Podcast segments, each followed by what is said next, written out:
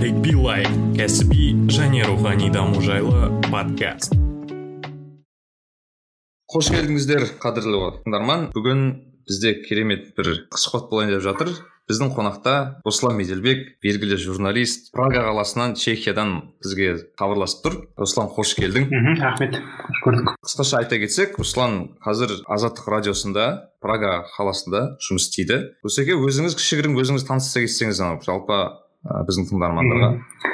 Ә, мен негізінен ә, шығыс қазақстан облысындамын. Ә, өскеменде мектеп бітіргенмін одан кейін алматыдағы қазақ ұлттық университетін журналистика факультетінде бакалавр одан кейін магистратура бітіріп қазір үш жылдай болды. Осы прагада азаттық радиосының қазақ қызметінде жұмыс істеп жатырмын. Ыыы прагаға келмей тұрып бірнеше жыл сол қазақстандағы азаттықтың алматыдағы бюросында жұмыс істедім журналист болып. Қазір ыыы азаттықтың қазақ қызметінде яғни қазақша сайтта ыыы редактормын. Көбінесе текст тексеремін сайтқа шығатын мақалалар дайындаймын тексеріп соны сайтқа салып сайтқа шығарып отырамын негізгі қызметім қысқа қызметім қазір осы осы жердегі қанша болды осы прагада жүргеніңізге уже? Мен үш жылға тақап қалды екі жарым жыл үш жылға тақап қалды нақты. Өйткені оған дейін мен келіп бір төрт ай істеп қайтадан қазақстанға қайтып құжат дайындау процесі үш төрт ай болған соның барлығын қосып есептегенде үш жылдай болып қалды. Азаттықтың прагадағы бас кеңсесінде жұмыс істеп жатқаныма енді рүсеке мен ә, сізді оқып жүрмін фейсбукта инстаграм парақшаларыңызда. Маған өте өзіме ұнайтын өзекті мәселелер сіз қозғайтын ол ағылшын үйрену жайлы. Білуімше сіздің айлтс деңгейіңіз өте жоғары екен естуім бойынша. иә мен айлтс үш рет тапсырдым ыыы бірінші екі мың он екінші жылы тапсырдым ол кезде алты болды. Одан кейін бір жылдан кейін қайта тапсырып ыыы алтыда бес болған. Ыыы ол кезде жаңа жазу мен ыыы жазу мен оқу алты болды да сөйлеу мен ыыы тыңдау алтыда бес болған. Одан кейін ыыы негізгі ағылшын оқығандағы басты көрсеткіш ол жазу екенін түсіндім. Өйткені жазып ыыы ойыңды жақсы жазсаң ыыы онда ыыы жаңағы ағылшын тілін жақсы біледі деген ыыы өзіңе сенімді болуға болады. Яғни бұл жақсы бұл көрсеткіш иә жаза мен үшін жазу иә мен үшін жазу өте қиын болды. Ыыы осыған дейін екі рет тапсырған кезде. Ыыы одан кейін ыыы өзім алдыма мақсат қойдым. Ыыы жалпы жеті жарым алуым керек одан кейін жазудан кем дегенде жеті алуым керек. Соған дайындалдым ыыы көп сөз жаттадым. Ыыы соның арқасында жазуым жетіде бес болды. Ыыы және ортақ балда жетіде бес болды. Сол кезде жазудан жетіде бес ыыы сөйлеуден жетіде бес болды. Ал оқу мен тыңдау жеті болды. Сонда ортақ балл жетіде бес болды да. Өзіме жаңағы нәтижеме көңілім толды. Себебі екеуі де субъективный бағаланатын нәрсе онда өзіңнің барлық біліміңді көрсету керек те. Яғни сөйлеуде де ә, жаңағы экзамен алып отырған адамды таңғалдыру керек. Ә, және жазу кезінде де жаңағы оқып отырған адамның ә, көңілінен шығу керек те. Сонда ғана олар ә, жеті жетіде бес деген бағаны бере алады да. Ал ә, оқу мен ә, тыңдауды кез келген уақытта дамытуға болады да. Одан сол оған көп дайындалған жоқпын. Бірақ жеті жеті екеуінен жеті алғаныма ыыы тоже көңілім толды. Бірақ негізгі мақсат негізгі таргет жаңағы не болды ғой? Жазу мен оқу болды. Жазу. Иә жазу мен оқу а, сөйлеуден кем дегенде жеті жетіде бес алсам деп екеуінен жетіде бес алдым. Ыыы көңілім толады. Тағы рет тапсырғыңыз келе ма негізі қазір дайындалып жүрген жоқпын мүлдем. Өйткені бұрын ә, мен ә, жаңағы алты мен алтыда бес алғаным екі мың он үштің соңы болатын екі мың он төртке таман. Екі мың он төрттен бастап мен екі мың он алтыға дейін дайындалдым үш жыл бойы дайындалдым ешқайда тапсырған жоқпын бірақ мен күнде күнде эссе жазатынмын. Бір тестті тапсыру үшін үш жыл кетті жеті жарым алу үшін. Яғни жазудан жеті жарым алу үшін. Өйткені көп сөз білу керек болды ол кезде. Ыыы одан кейін ыыы мен жаттап алып кіргім келмеді. Ыыы ешқандай нені жаңағы айлтс тапсырған кезде текстті мүлдем жаттап алатындар болады да. Содан кейін орнын ауыстырып. Зырылдатып Иә. кәдімгідей орнын Текстпен ауыстырып орнын ауыстырып менде ешқандай бір мақсат болған жоқ. Айлс тапсырған кезде мен өз өзіме дәлелдегім келді. Мен жаза алатынымды сөйлей алатынымды өз өзіме дәлелдегім келді. Ал кейбір қатарластарым болды олар айлс тапсырған кезде шетелге оқуға тапсыру үшін. Ол кезде жаттап алып кіруге болады да өйткені уақыт тығыз болады. Ал жүйелі түрде күнделікті жаңағы ешқандай текст жаттамай ойыңды қағазға түсіріп ыыы көп сөз жаттап иә ешқандай қиналмай жаттап ыыы кейін қиналмай жазу кезінде жаңағы или грамматикадан қате кетірмеу кезінде кетірмеу үшін ыыы сол екі жарым жылдай уақытым кетті деп ыыы күнделікті эссе жазып отырдым. Яғни аптасына төрт эссе жазуға тырыстым. Оның екеуін ақылы түрде тексеріп отырдым хотя бы аптасына бір текстті мен бір екі долларға үш долларға ы, жіберіп сондай интернетте жүйе нелер бар сайттар бар.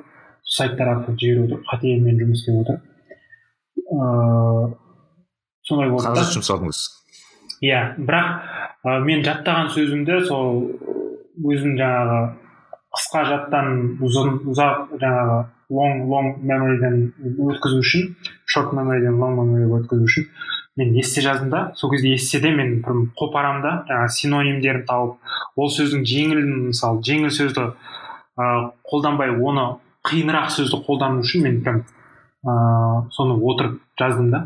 Кейін менде ы, дағды болды қырық секунд қырық минуттың ішінде емес жиырма минуттың ішінде эссе жазып шығу деген талап болды да. Күн сайын екі минуттан қысқартып отырдым уақытты. Сол кезде жиырма минуттың ішінде мен ойымды түгел жазып бітемін он минут ойланамын ыыы сөйтіп жиырма минутта жазып шығамын он минут бойы мен қатемді тексеремін яғни артиклдар иә? иә артиклдарымды дұрыс қойдым ба грамматиканы дұрыс пайдаландым ба деген сияқты ғой иә яғни тақырып алып қалған кезде он минут ойлану керек адам не жазамын деген сияқты одан кейін барып жиырма минуттың ішінде мен уақыт қоямын будильник жиырма минуттың ішінде жазып тоқтап екі жүз сексен сөз жазып бітуім керек. Ойымды жеткізіп бүкіл ыыы кіріспесін ыыы негізгі бөлімдерін қорытындысын жазып үлгеруім керек деп. Он, он минут бойы грамматиканы тексеремін. Қателесетін болсам ыыы кейін сол грамматиканы оқимын да. Солай ыыы өз өзімді жаңағы ерік жігерімді тайм менеджментті солай тәрбиеледім. Бірақ қазір қатты жалығып кеткенім соншалықты мен қазір ондай жігер жоқ. Яғни тағы бір тіл бастауға менде не жоқ та. Ыыы аса қатты бір Ынта. жоқ өйткені. Бір жағынан жұмыс бар екінші жағынан м, екінші жағынан мен басқа бір тілді қажеттілігін көріп тұрған жоқпын. Чехияда тұрсам да мен әлі чех тілін ыыы білмеймін.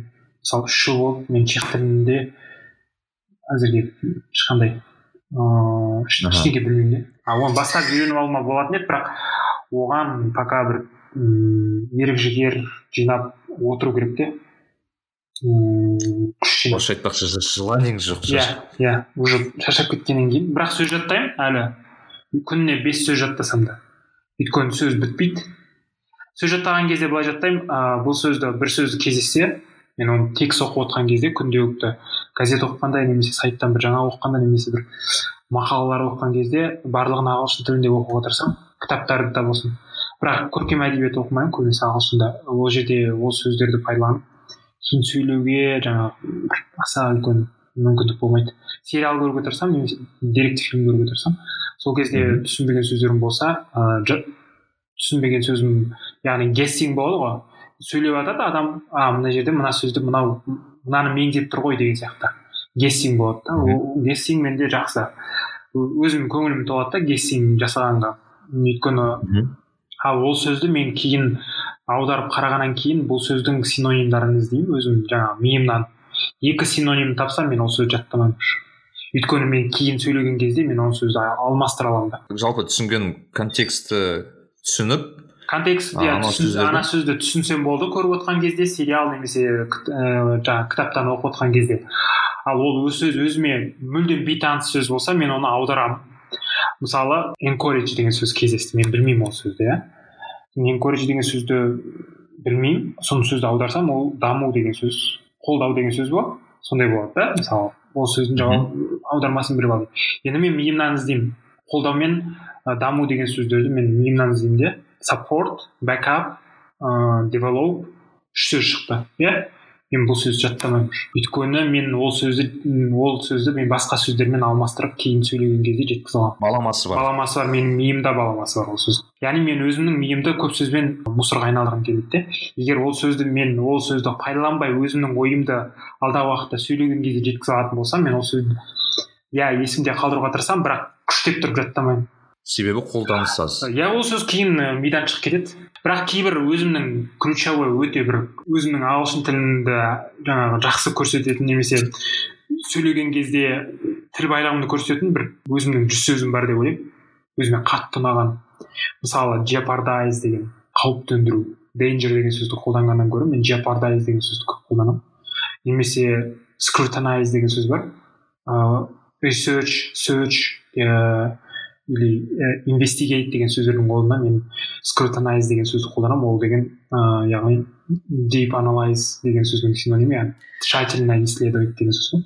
Сол сияқты. Маған ол сөздерді қолданған адамдар кішкене ана былайша айтқанда понтоваться еткізетін ол адамдар ол сөздерді мен сөйлеу сөйлеген кезде қолданбаймын. Оны жазуда қолдану керек яғни эссе жазып отқан кезде жаңағы research деген сөзді немесе анализ деген сөзді қолдансаң ол ба- балың төмен болады. Яғни эссе любой жерде ол айлтстың эссесі болсын тойфлдың эссесі болсын немесе университеттегі эссе эссе болсын сондай жаңағы қиын сөздерді қолданса балың сол жоғары болады. А scrutinize деген сөзді немесе ә, деген сөзді ол просто адамдармен сөйлесіп отқан кезде қолдану ол мүлдем ә, келмейді де. Оны қолданбау керек те. Оның орнына жаңағы анализ develop деген сөздерді research деген сөздерді қолдана беру керек ал бұл жерде айтып отқан нем ә, жаңағы жүз сөз ол менің эссе жазғандағы сөздерім.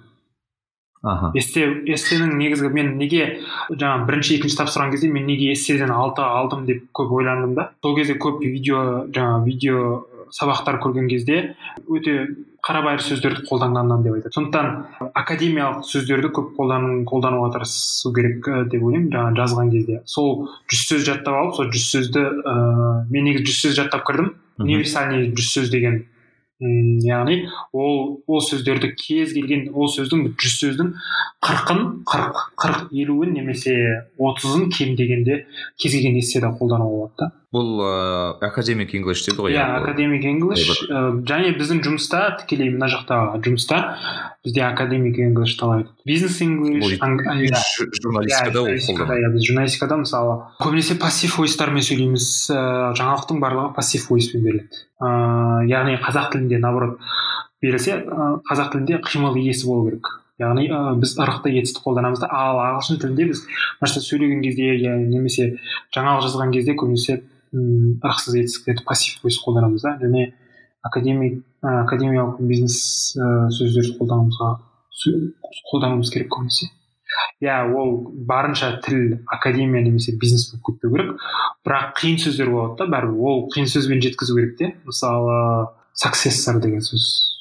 Ыыы тоқаев the successor of назарбаев. Назарбаевтың орнына келген адам. Ыыы мысалы орын жалғастырушы иә адам иә. немесе соның орнынан келген адам немесе ыыы митигейт деген сөз бар ғой мысалы жазасын жеңілдету деген. Мысалы біреудің жазасын жеңілдету деген сөзді ол ол жерде осы сөзді қолдану керек болады да бәрібір. Одан сөз ә, сөз жаттаған кезде өзіңнің мамандығымен ғана жаттау керек деп ойлаймын. Ал ағылшынның түбіне жету саған қатысыңа жоқ? Иә саған қатысы қатысы жоқ сөз. Ол сенің жұмысыңа кәсібіңе қажет емес пе? Жаңағы сияқты.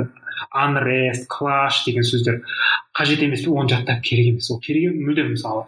А, дәрігерлер өзінің дәрігер мамандығына керекті сөздерді жаттау керек. заңгерлер өзінің заң тұрғысындағы сөзді жаттау керек. айтишниктер өзінің айти саласына ғана қажетті сөздерін жаттау керек. болады физик өзінің физик. а журналист өзінің жаңағы ақпарат тарататын сөздерін ғана. мен соны ұқтым да өйткені мен физикалық бір сөздер келсе мен оны вообще қарамаймын да жаттамаймын да. Ыыы өйткені ол мен миымдағы жаңағы памяттерді алады да. Миымдағы орындарды мысалы менің миымда бір гигабайт орын бар десе соны алады да. Оны мен оны не қыламын оны мен өмірімде қолданбаймын. Онда өмірімде қолданатын сөздерді списогін жаттап алу керек. Ол үшін адам өзінің деңгейін түсіну керек ағылшын тілінің деңгейін одан кейін өзінің ыыы шама шарқын түсіну керек те. Мына сөзді жаттай аламын ау мына сөзді мен игеріп кете аламын ау мына грамматиканы игеріп кете аламын ау деген адам өзін іштей іштей өзін тіл оқыған кезде ы өзін іштей олқылықтарын біліп отыру керек. Соның олқылықтарын жаңағы өзінің минус жақтарын біліп отырып соны плюске айналдыру жолын іздестіру керек мен мысалы осыған дейін бірде бір соттан ә, сот болатын болса немесе бір ә, қазақстанда бір қандай да бір жағдай болып қалатын болса мысалы қазақстанда болып жатқан түрлі саяси жағдайларда ә, мен осыған дейін мүлдем ойымды жеткізе алмайтын едім жеткізе аламын бірақ өте қарабайыр болатын еді. Точно точно жеткізе алмайтын едім.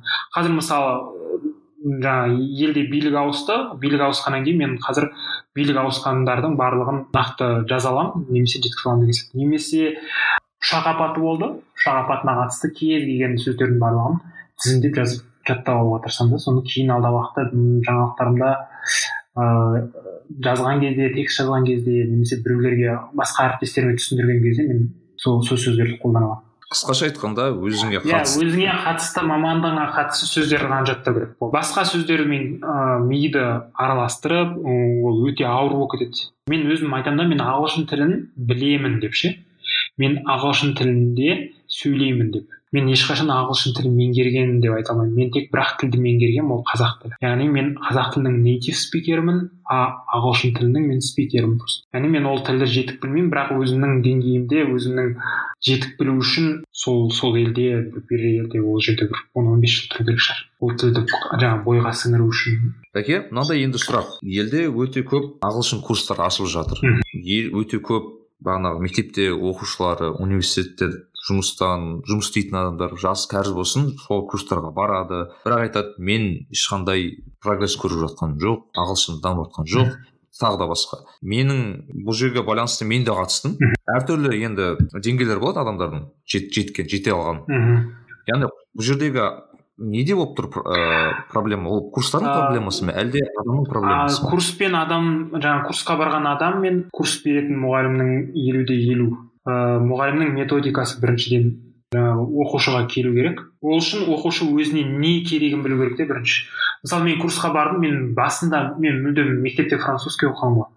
Ыыы мен ағылшынды бегинерден бастадым. Мен бегинерден бастадым сол ең төменгі. ең төменгі. Санаудан әріптен бастадым. Мен барып бірінші мұғалім ұнамады себебі маған ол тек грамматика үйрете берді.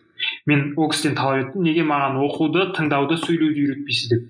Мен грамматика одан кейін барып екінші адам ауыстым. Бір екі бір төрт бес сабағынан кейін мен екінші мұғалім таптым да ол кісіге ашық айттым. Маған грамматика ғана емес оқу сөйлеу тыңдау жазудың барлығын үйретіңіз ауқымды үйрену. Иә. Төртеуін де үйрену керек. Өйткені бір бір баланс ұсталмаса кейін грамматиканы өте жақсы біліп тұрсаң ыыы сөйлей алмасаң оны немесе жаза алмасаң негізі ол ол жерде ешқандай пайда болмайды да. Сол сол содан кейін барып мен бір мұғалімге тоқтадым. Мен ол кісімен үш жыл оқыдым. Ә, және бұл жерде мұғалім үйрете алмай қалды. Мұғалім дұрыс таңдағаннан кейін уже өзіңнен іздей бастау керек те. Мұғалім сенің талабыңды орындап жатыр саған листнингді да рейдингді да спикингді да райтингді да береді. А бірақ сенде нәтиже жоқ деген сияқты ә, біріншіден адам жігер бұл жерде өте сила воля дейді ғой.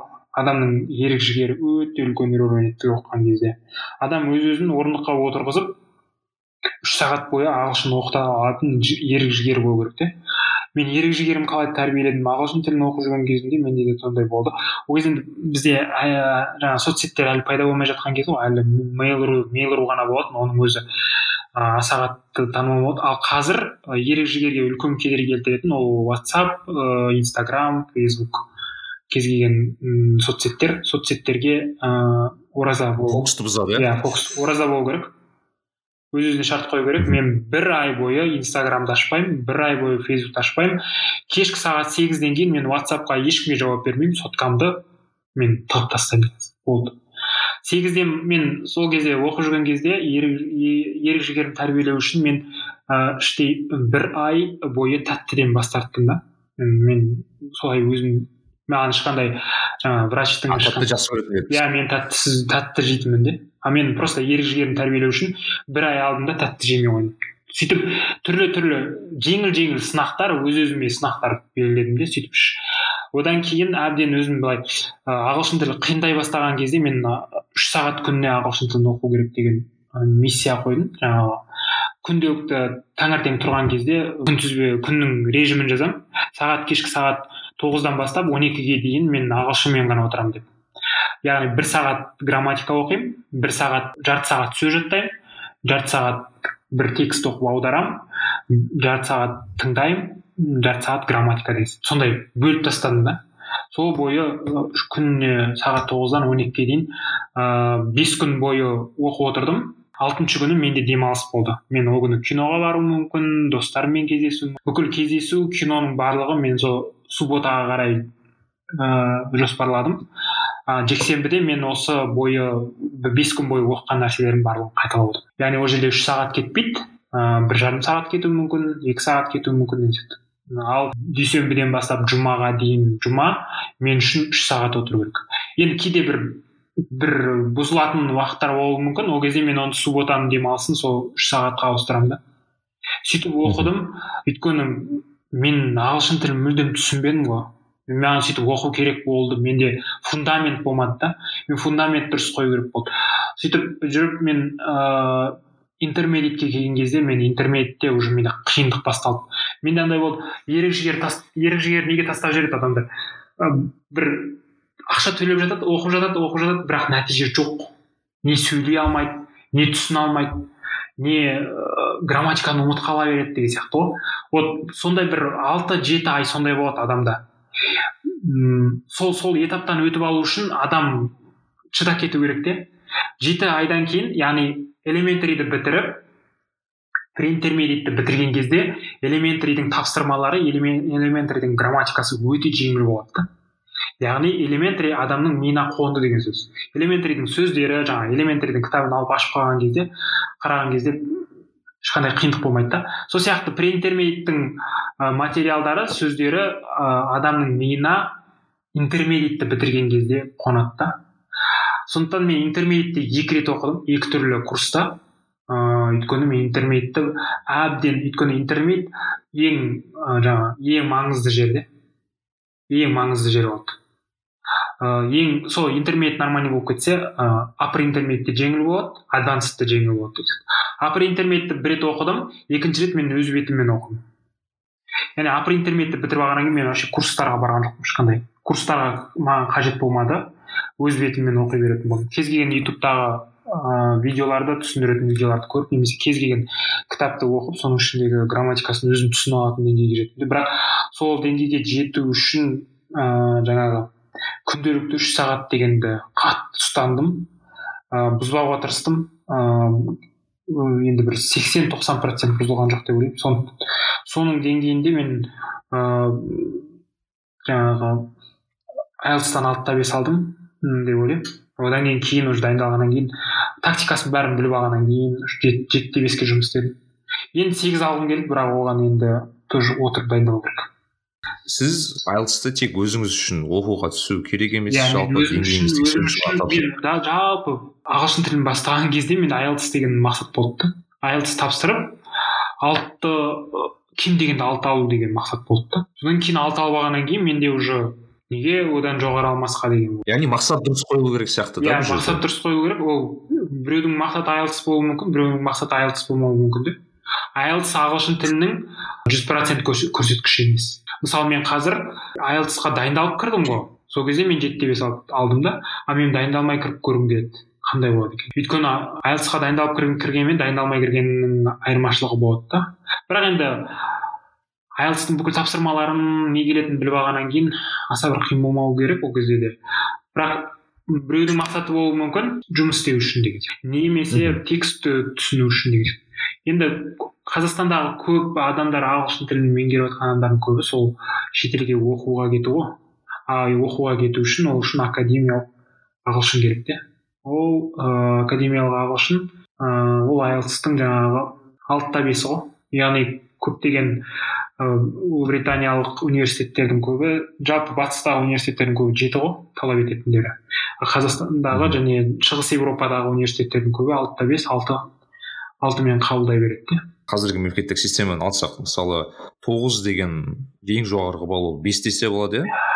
Негізі ең қазақстандағы негізі қазақстанның балы ортақ негізі айлтсның балы бүкіл қазақстанның ортақ балы осыдан бір үш жыл бұрын бес те бес болған. Бүкіл қазақстанда. бүкіл тапсырған айтыс тапсырған адамдар солардың орташа орташа баллы бес те бес болған қазақстан бұл үш десе айтса бола ма? Біз бестен үш десе бола ма? Иә орташа біздегі м, ағылшын тілінің деңгейі мектептегі деңгейі үш қой. Яғни бес бестің үші де яғни айлтста ә, мектепте өте жақсы оқыған. Олимпиада яғни мен ауылдың мектебі немесе қаладағы орта мектеп туралы айтып отырмын да. Жаңағы ниш немесе ктл туралы айтып отырған жоқпын бұл жерде қарапайым ауылдың Орта- орта мектебі мектеп. орта мектебі қаланың орта мектебіндегі ағылшын тілін сұмдық оқыды. Және сол ағылшын тілінен республикалық аудандық олимпиадаға барып деген оқушыны айлтсқа кіргізсеңіз ол бес бесте бес алады деп ойлаймын. Өйткені біздің біздің үштіктің былайша айтқанда орындегі ағылшын иә біздің мектептегі уровень ыыы қазір білмеймін бірақ біздегі біз кезіндегі уровень деңгей ағылшын тілін оқытатын деңгей өте нашар болды. Мен ағылшын тілін не үшін оқып жатқанымды білмедім. Ол үшін ол ағылшын тілі маған не керек деген маған ешкім сұраққа жауап берген жоқ та. Яғни пәндердің арасында байланыс болмады да әйтеуір ағылшын тіліне барасың саған тақтаға бес сөз жазып береді соны оқып бересің.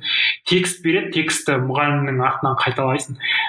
Соған бай балл қояды да а ол жерде мен present simple past simple past perfect континуистерді мен мүлдем білмедім ағылшын тіліндегі шақтарды білмедім тәуелді жалғаулар жаңағы тәуелдік ештеңе білмедім ғой мен. Яғни мен өз басым сонда білмей өттім де яғни ағылшын тілін. Ыыы одан кейін келесі мектепке ауысқан кезде мен француз тілін оқыдым. Ол жерде де сондай маған не үшін оқытып жатыр грамматикасы қандай? А одан кейін мен университетке түскеннен кейін мен уже түсіне бастадым. Не үшін керек деген. Сол кезде мен түсіне бастадым да. Мен францияға бардым екі мың он бірінші жылы ғой деймін үшінші курс оқып жүрген кезде францияға бардық. Сол кезде мен қатты қиналдым да. Иә, сияқты тіл оқу керек деген болды да. Мен өйткені ол жерде бір ай тұрдым. Мен бір айда мен ештеңе істей алмадым. Яғни мен қатты қиналдым тілден одан кейін уже қазақстанға келгеннен кейін ағылшын тілін бастау керек деген өз өзіме серт бердім де. Яғни университетті бакалавр бітіргенге дейін мен ағылшын нормальный болатын жеке өзімнің жағынан мектепте яғни мен ағылшын білмедім десем де болады. Менің түсінгенім мектептегі ағылшын бізге жастарға қазіргі оқушыларға ағылшынның не себепті керек екендігін көрсете білу керек секілді. Себебі ә, мен оқыған кезде не үшін ағылшын керек екенін шын айтқанда түсінбедім. Иә мен оны сіз Иә. сияқты мен де мектеп университетке түскенде соны ұқтым бұл ағылшын керек екен деген секілді. Иә. мектепте оны иә түсініксіз а, тура сондай сондай да ә, мектепте пәндердің арасында байланыс жоқ та. Мысалы маған мұғалім айтса сен ағылшын тілін ыыы ол кезде енді экономикалық жағдай да елде мәз болмады ғой. Мен ешқашан ойламадым мен мектеп бітіргеннен кейін. Ыыы алматыға барып оқимын одан кейін менде шетелге шығуға мүмкіндіктер болады деген мүлдем ойламадым мен. Ыыы мектепте ондай қызықтыратын ештеңе болмады деген сияқты. Сенің шетелге шығуға мүмкіндігің бар деп маған бірде бір мұғалім айтқан жоқ. Себебі ол мұғалімдер үшін шетелге шығудың өзі мүмкін емес болатын да. Сондықтан бұл жерде иә. мүмкіндік ретінде көрсетпейді иә иә? ал мысалы қазіргі мұғалімдердің ішінде шетелге шығып келгендер бар. Болуы мүмкін олар айтуы мүмкін. Ағылшын тілін меңгер сен шетелге шыға аласың деген сияқты немесе жаңағы шетелде жұмыс істеп жүрген шетелде қыдырып жүрген адамдарды оқушылардың біреуі көруі мүмкін де. А одан кейін ол қызығып қалай шығып жүрсіз деп сұрауы мүмкін. Сұра, сұрайтындар көп сол кезде мен айтамын ағылшын меңгеру керек. Негізгі. Алдағы уақытта бір қазақстанда енді бір он он бес жылдан кейін ыыы ағылшын тілін біледі деген ешкім таңғалдырмауы мүмкін. Иә осыдан бір үш төрт Иә. жыл бұрын вау ағылшын біледі екен деген яғни көзір карта болатын да ол кез келген адамның қолындағы көзірі болатын. Ағылшын тілін бесте бес алты деңгейінде білсе айлтс деңгейінде ол адамның қолындағы көзір картасы болатын да. Яғни қатарластарынан бір қатар бір саты тілмен жоғары тұрады деген сияқты. Мен мысалы өз жұмысымда шетелдік коллегаларым көп. Және мен қазақстан туралы айтқан кезде бәрінің сұрайтыны мен қазақстанның суретін көреді алматының суретін көреді таулардың суретін көреді біздің жазықты көреді да айтады мен барғым келеді. Мхм. Екінші қоятын сұрағы да ол жақ ағылшын біле ма дейді маған. мен айтамын ол жағынан қиын. Себебі халық енді алматы астанада бірең саран адам біледі енді. Иә. Бірақ қалған жерлерде өте қиын болады сондықтан яғни бағана ғана тури- туристік компаниялар арқылы барыңдар немесе ыыы орыс орыс тілді білетін кісі болса болған дұрыс деген секілді ұсыныстар айтамын. Бұл біздің мемлекет ретінде туризм дамытуға ең бірінші не секілді маған? Тоқтатып тұрған өйткені жергілікті халық қанша дегенмен ең болмаса бір отыз процент біле сөйлеседі дәл қазір отыз процент сөйлей алмайды бірақ бір мына он жылдың ішінде жаңа мектеп бітіріп жатқан балалардың ішінде ағылшын тілі білетіндер шығуы мүмкін бірақ олар қай деңгейде деген сұрақ болады да тағы да. Мен білмеймін мысалы қостанайда иә қостанайда қызылордада шымкентте ә, ништің өзі немесе жаңағы түрлі лицейлердің өзі ағылшын тілін қай деңгейде оқытып жатқанын білмейсің. Сондықтан ә, бір он жыл күту керек бұл бұл деңгейге қалай болады. Бірақ мен алматыға соңғы рет барған кезде кәдімгі таза ағылшын тілінде сөйлеп жүрген балаларды көрдім де. бірақ ол тек алматы мен астанада ғана.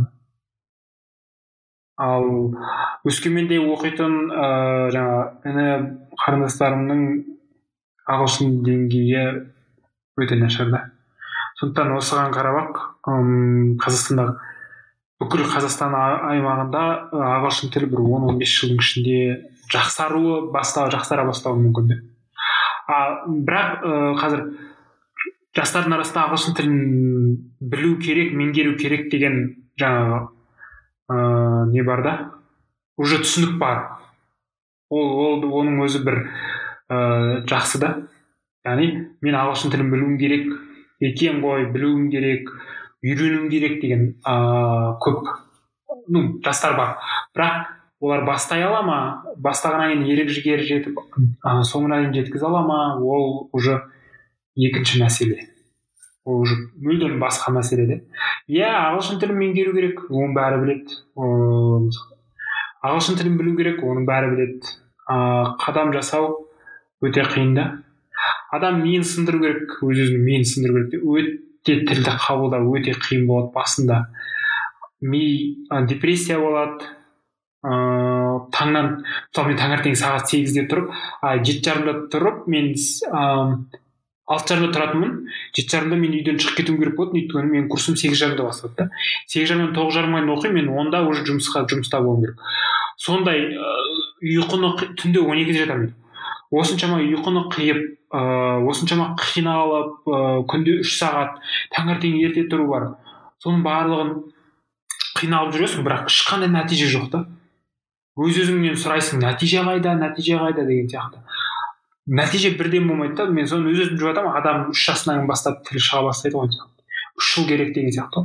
Мен бәлкім үш жылдан кейін ойланып жаңағы ағылшын тілінде бұрын мен миды аударатынмын ғой. Бірінші айтатын ойымды орысша немесе қазақша миымда тез тез жинап аламын да. Автоматты түрде мен миымда сөздерді іздеп жанталасып аударамын да. Ал ол аударған кезде қате кетеді сөздер таппай қаласың ойыңды жеткізе алмай қаласың айтар ойың дұрыс шықпай қалады. Қате кетеді грамматикадан қате кетеді сұрақтың орындарын ауыстырасың сөздердің орнын ауыстырасың грамматиканы ауыстырасың а үш жылдан кейін бастап мида жүйе пайда бола бастайды да. Сондықтан үш жыл шыдау керек. А үш жылдың деңгейіне жету үшін жаңағы күніне ә, кем дегенде екі сағат қой. Ағылшын оқу керек.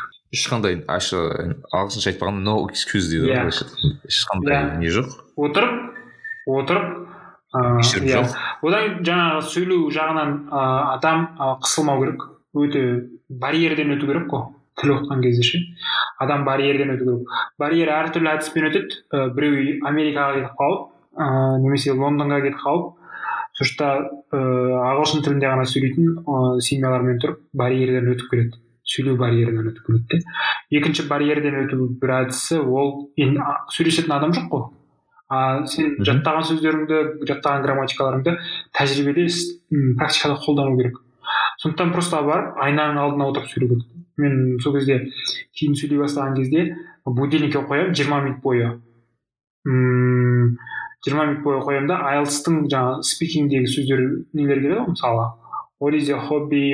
Или болмаса сен бос уақытыңда не істейсің? Алғашқы саяхатың қандай болып еді деген сондай сұрақтарға аламын да просто жауап беремін. Өз өзіме жауап беремін сол кезде қиналамын мысалы мына жерде былай айту керек. Сөз табылмайды. Сөз табылмайды иә. Одан кейін оны қағазға түсіремін. Қағазға түсірген кезде ойың әлде қайда жинақы шығады өйткені сен ойланасың ғой. А сөйлеген кезде сен ойлануға уақыт жоқ.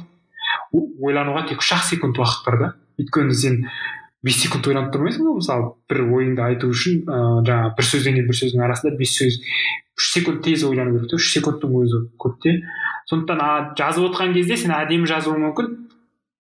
Өзіңнің хоббиің туралы өзіңнің бос уақытыңда не істейтінің туралы өйткені сен ойлануға бес секундтан көп уақыт бар да үш секундтан көп уақыт бар. Жеті секунд ойлану мүмкін он секунд ойлану мүмкін ал сөйлеп жатқан кезде адам ауыз жаппай жатқан кезде ол екі секунд қана максимум. Сондықтан ғой жаңағы қыстырма сөздер көп ағылшында сол сол сөздерді көп қолдан деген. In my opinion frankly speaking жаңағы I know деген сөздерді қолданған кезде просто сен ойланып мидың миымен ойланып жаңағы екінші ойларыңды жинақтап алатын деген менің осы голландияда тұрғаннан бастап ең таңғалған затым мына голландықтардың тілді жетік білу мысалы голландияда 98 пайыз халық ағылшын тілінде сөйлейді екен. Соңғы зерттеу бойынша осы европадағы жалпы ең ағылшыны жетік мемлекет деп есептейді. Ал мектепте шамамен бес бес тілде меңгереді екен. Голланд тілі ағылшын тілі француз тілі испан тілі және неміс тілі екен. Ол кәдімгі біздің мектептегідей емес әйтеуір екі сөздің басын қосады деген емес кәдімгідей бағанағы интермедиат немесе басқа да деңгейдегі екен. Енді қазақстанға әлі де алыс шығар бұған. Бәрі де бірақ иә бұл жерде одан кейін экономикалық факторлар да адамдардың өмір сүру ыыы деңгейі де әсер етеді тіл меңгеруге. Жағдайың болмаса жағдайың болмаса ешкім тіл меңгермейді оған. Ешкімнің жұмысы жағдай жағдайы жоқ адам ол тек просто жағдайын жасауды ойлайды да.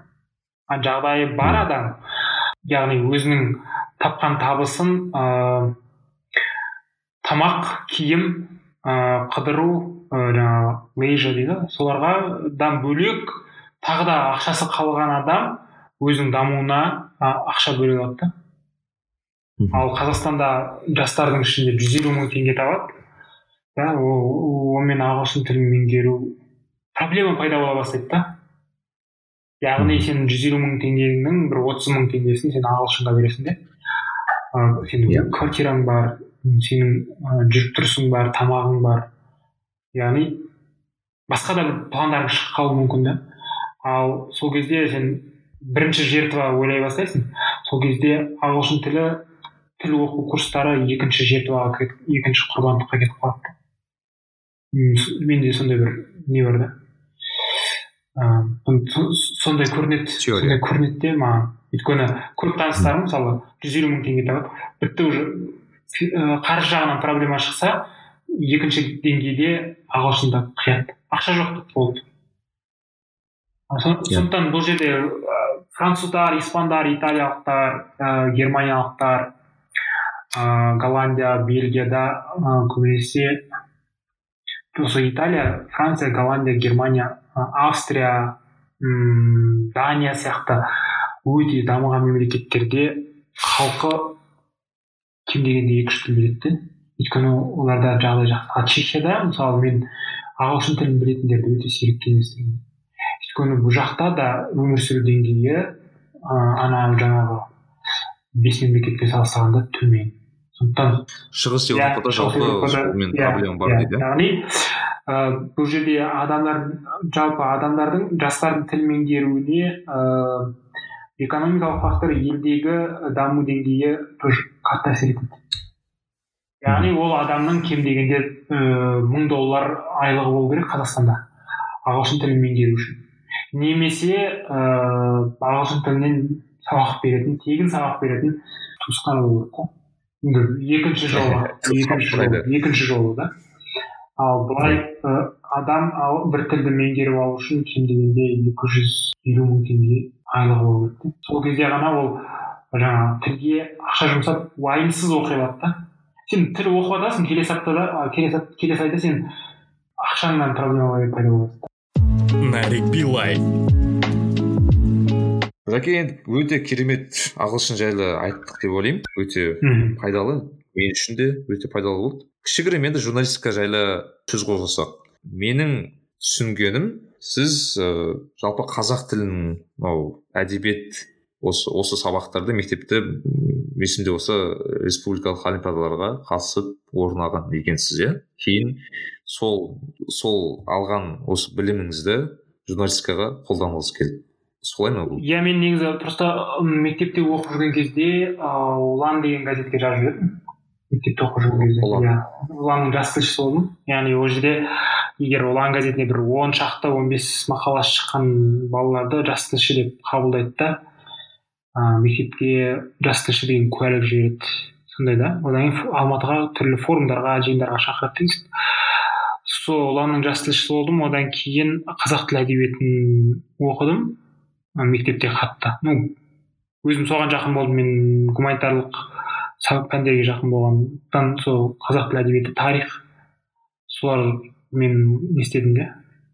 Соларға жақын болдым. Содан кейін оныншы он бірінші класстарда республикалық олимпиадаға барып он бірінші класста үшінші орын алғанмын екінші орын алдым республикалық олимпиада.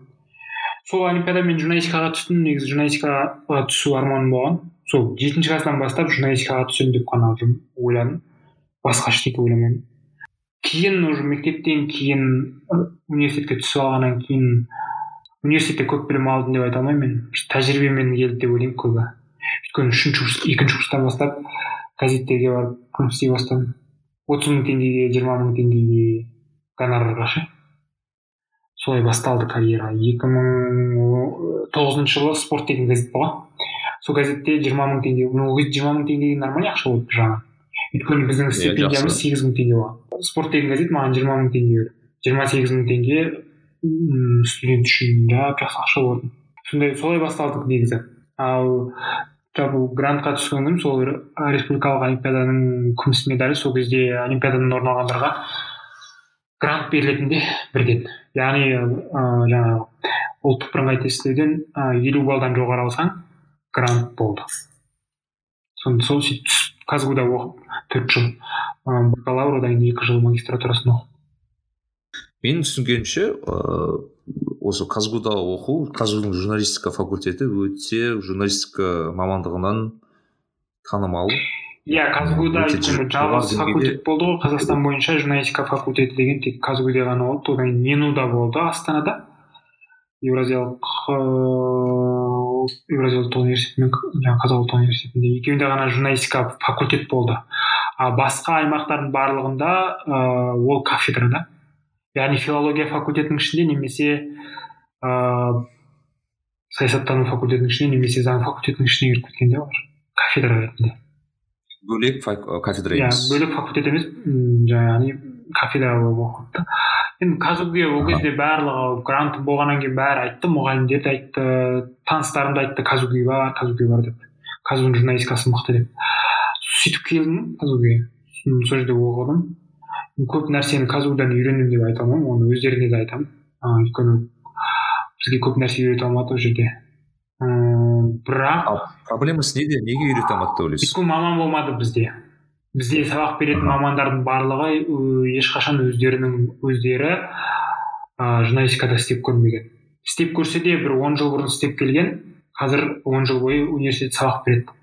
А журналистика ол бір жыл сайын жаңаратын мамандық та. Бір жыл сайын теоретик Иә. теоретиктер. Практикадан ештеңе келмейді. Теория оқиды.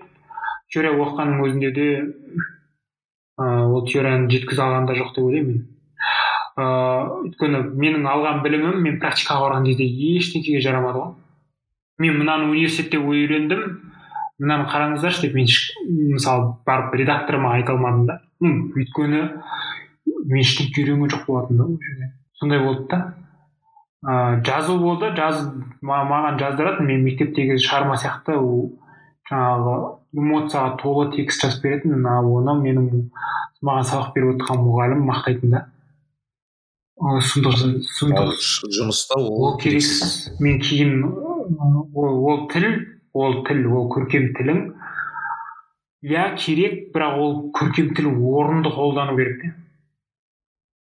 Сондай болды да проблема үлкен проблема содан басталды. Яғни мен кейін түсіндім маған сабақ берген мұғалімдердің көбі м теориядан ғана біледі практикадан мүлдем хабар жоқ немесе редакция есігін ашпаған сондай адамдар сабақ содан кейін өзім редакцияларға барып жүрген кезде сол жерден жаңағы сол жерден үйрендім деп ойлаймын одан кейін азаттыққа келдім екі мың он екінші жылы. Оның алдында алматы каналында істеп жүргенмін алматы телеарнасында сол жерде де біраз нәрсе үйрендім. Ыыы редакторлар үйретті бұрын уже жұмыс бастап кеткен тілшілер үйретті деген сияқты. Одан кейін ыыы неге барғанымда азаттыққа барған кезімде мен халықаралық журналистиканың стандарттарын үйреніп текст олай жазылмау керектігін ыыы негізі ақпаратқа жұмыс істеу керектігін жаңағы тілдің көркемдігі журналистикада ыыы орнымен қолданса ғана өтетінін түсіне бастадым да. Дерек көзін табу дұрыс дұрыс жасау сторителлинг қазақ журналистикасындағы ең үлкен проблема сторителлинг өте сторителлинг деген оқиғаның желісі. Мысалы оқып отырған оқырман мақаладан бүкіл ақпаратты алу керек те. Ол оқырманға бір нәрсе түсініксіз болып қалмау керек. Мысалы қазақстандық ыыы қазақ, қазақ тілді бұқаралық ақпарат құралдары коронавирус туралы жазып жатыр. Бүгін қытайда коронавирус жұқтырғандардың саны жетпіс екі мың адам болды дейді да мысалы жаңағы жазып келе жатыр. Ыыы қазақстанда қытайдан келген 14 мың адам ай төрт мың адам ыыы қазір 14 күндік карантинге жабылды деген сияқты сөйтіп жазып келе жатады да. Бүгінгі ситуация бүгінгі жағдайды ғана жазады. Ол жерде мен мен мысалы коронавирус туралы өмірімде бірінші рет естіп жатырмын да. Мен үшін түсініксіз ол. Мен сұраймын да коронавирус деген не деген? Бұл қайдан шығып жатыр не не проблема деген сияқты ғой. Контекст жоқ контекст жоқ. Яғни сторителлингтің бір компоненті контекст жоқ вообще қазақ журналистикасының ең үлкен ыыы ақсайтыны журналистикада контекст жоқ. Яғни мен үшін коронавирустың бүгінгі жағдайы ғана бар бэкграунд жоқ. Вообще бэкграунд түсінбеймін ол түсіндіру керек. Коронавирус 2019 жылдың желтоқсанның соңында қытайдың ухань деген қаласында шыққан. Алдын ала дерек бойынша ол уханьдағы базардан шыққан. Сол жерде жыланның жарғанаттың ә, түрлі жәндіктердің еті сатылған.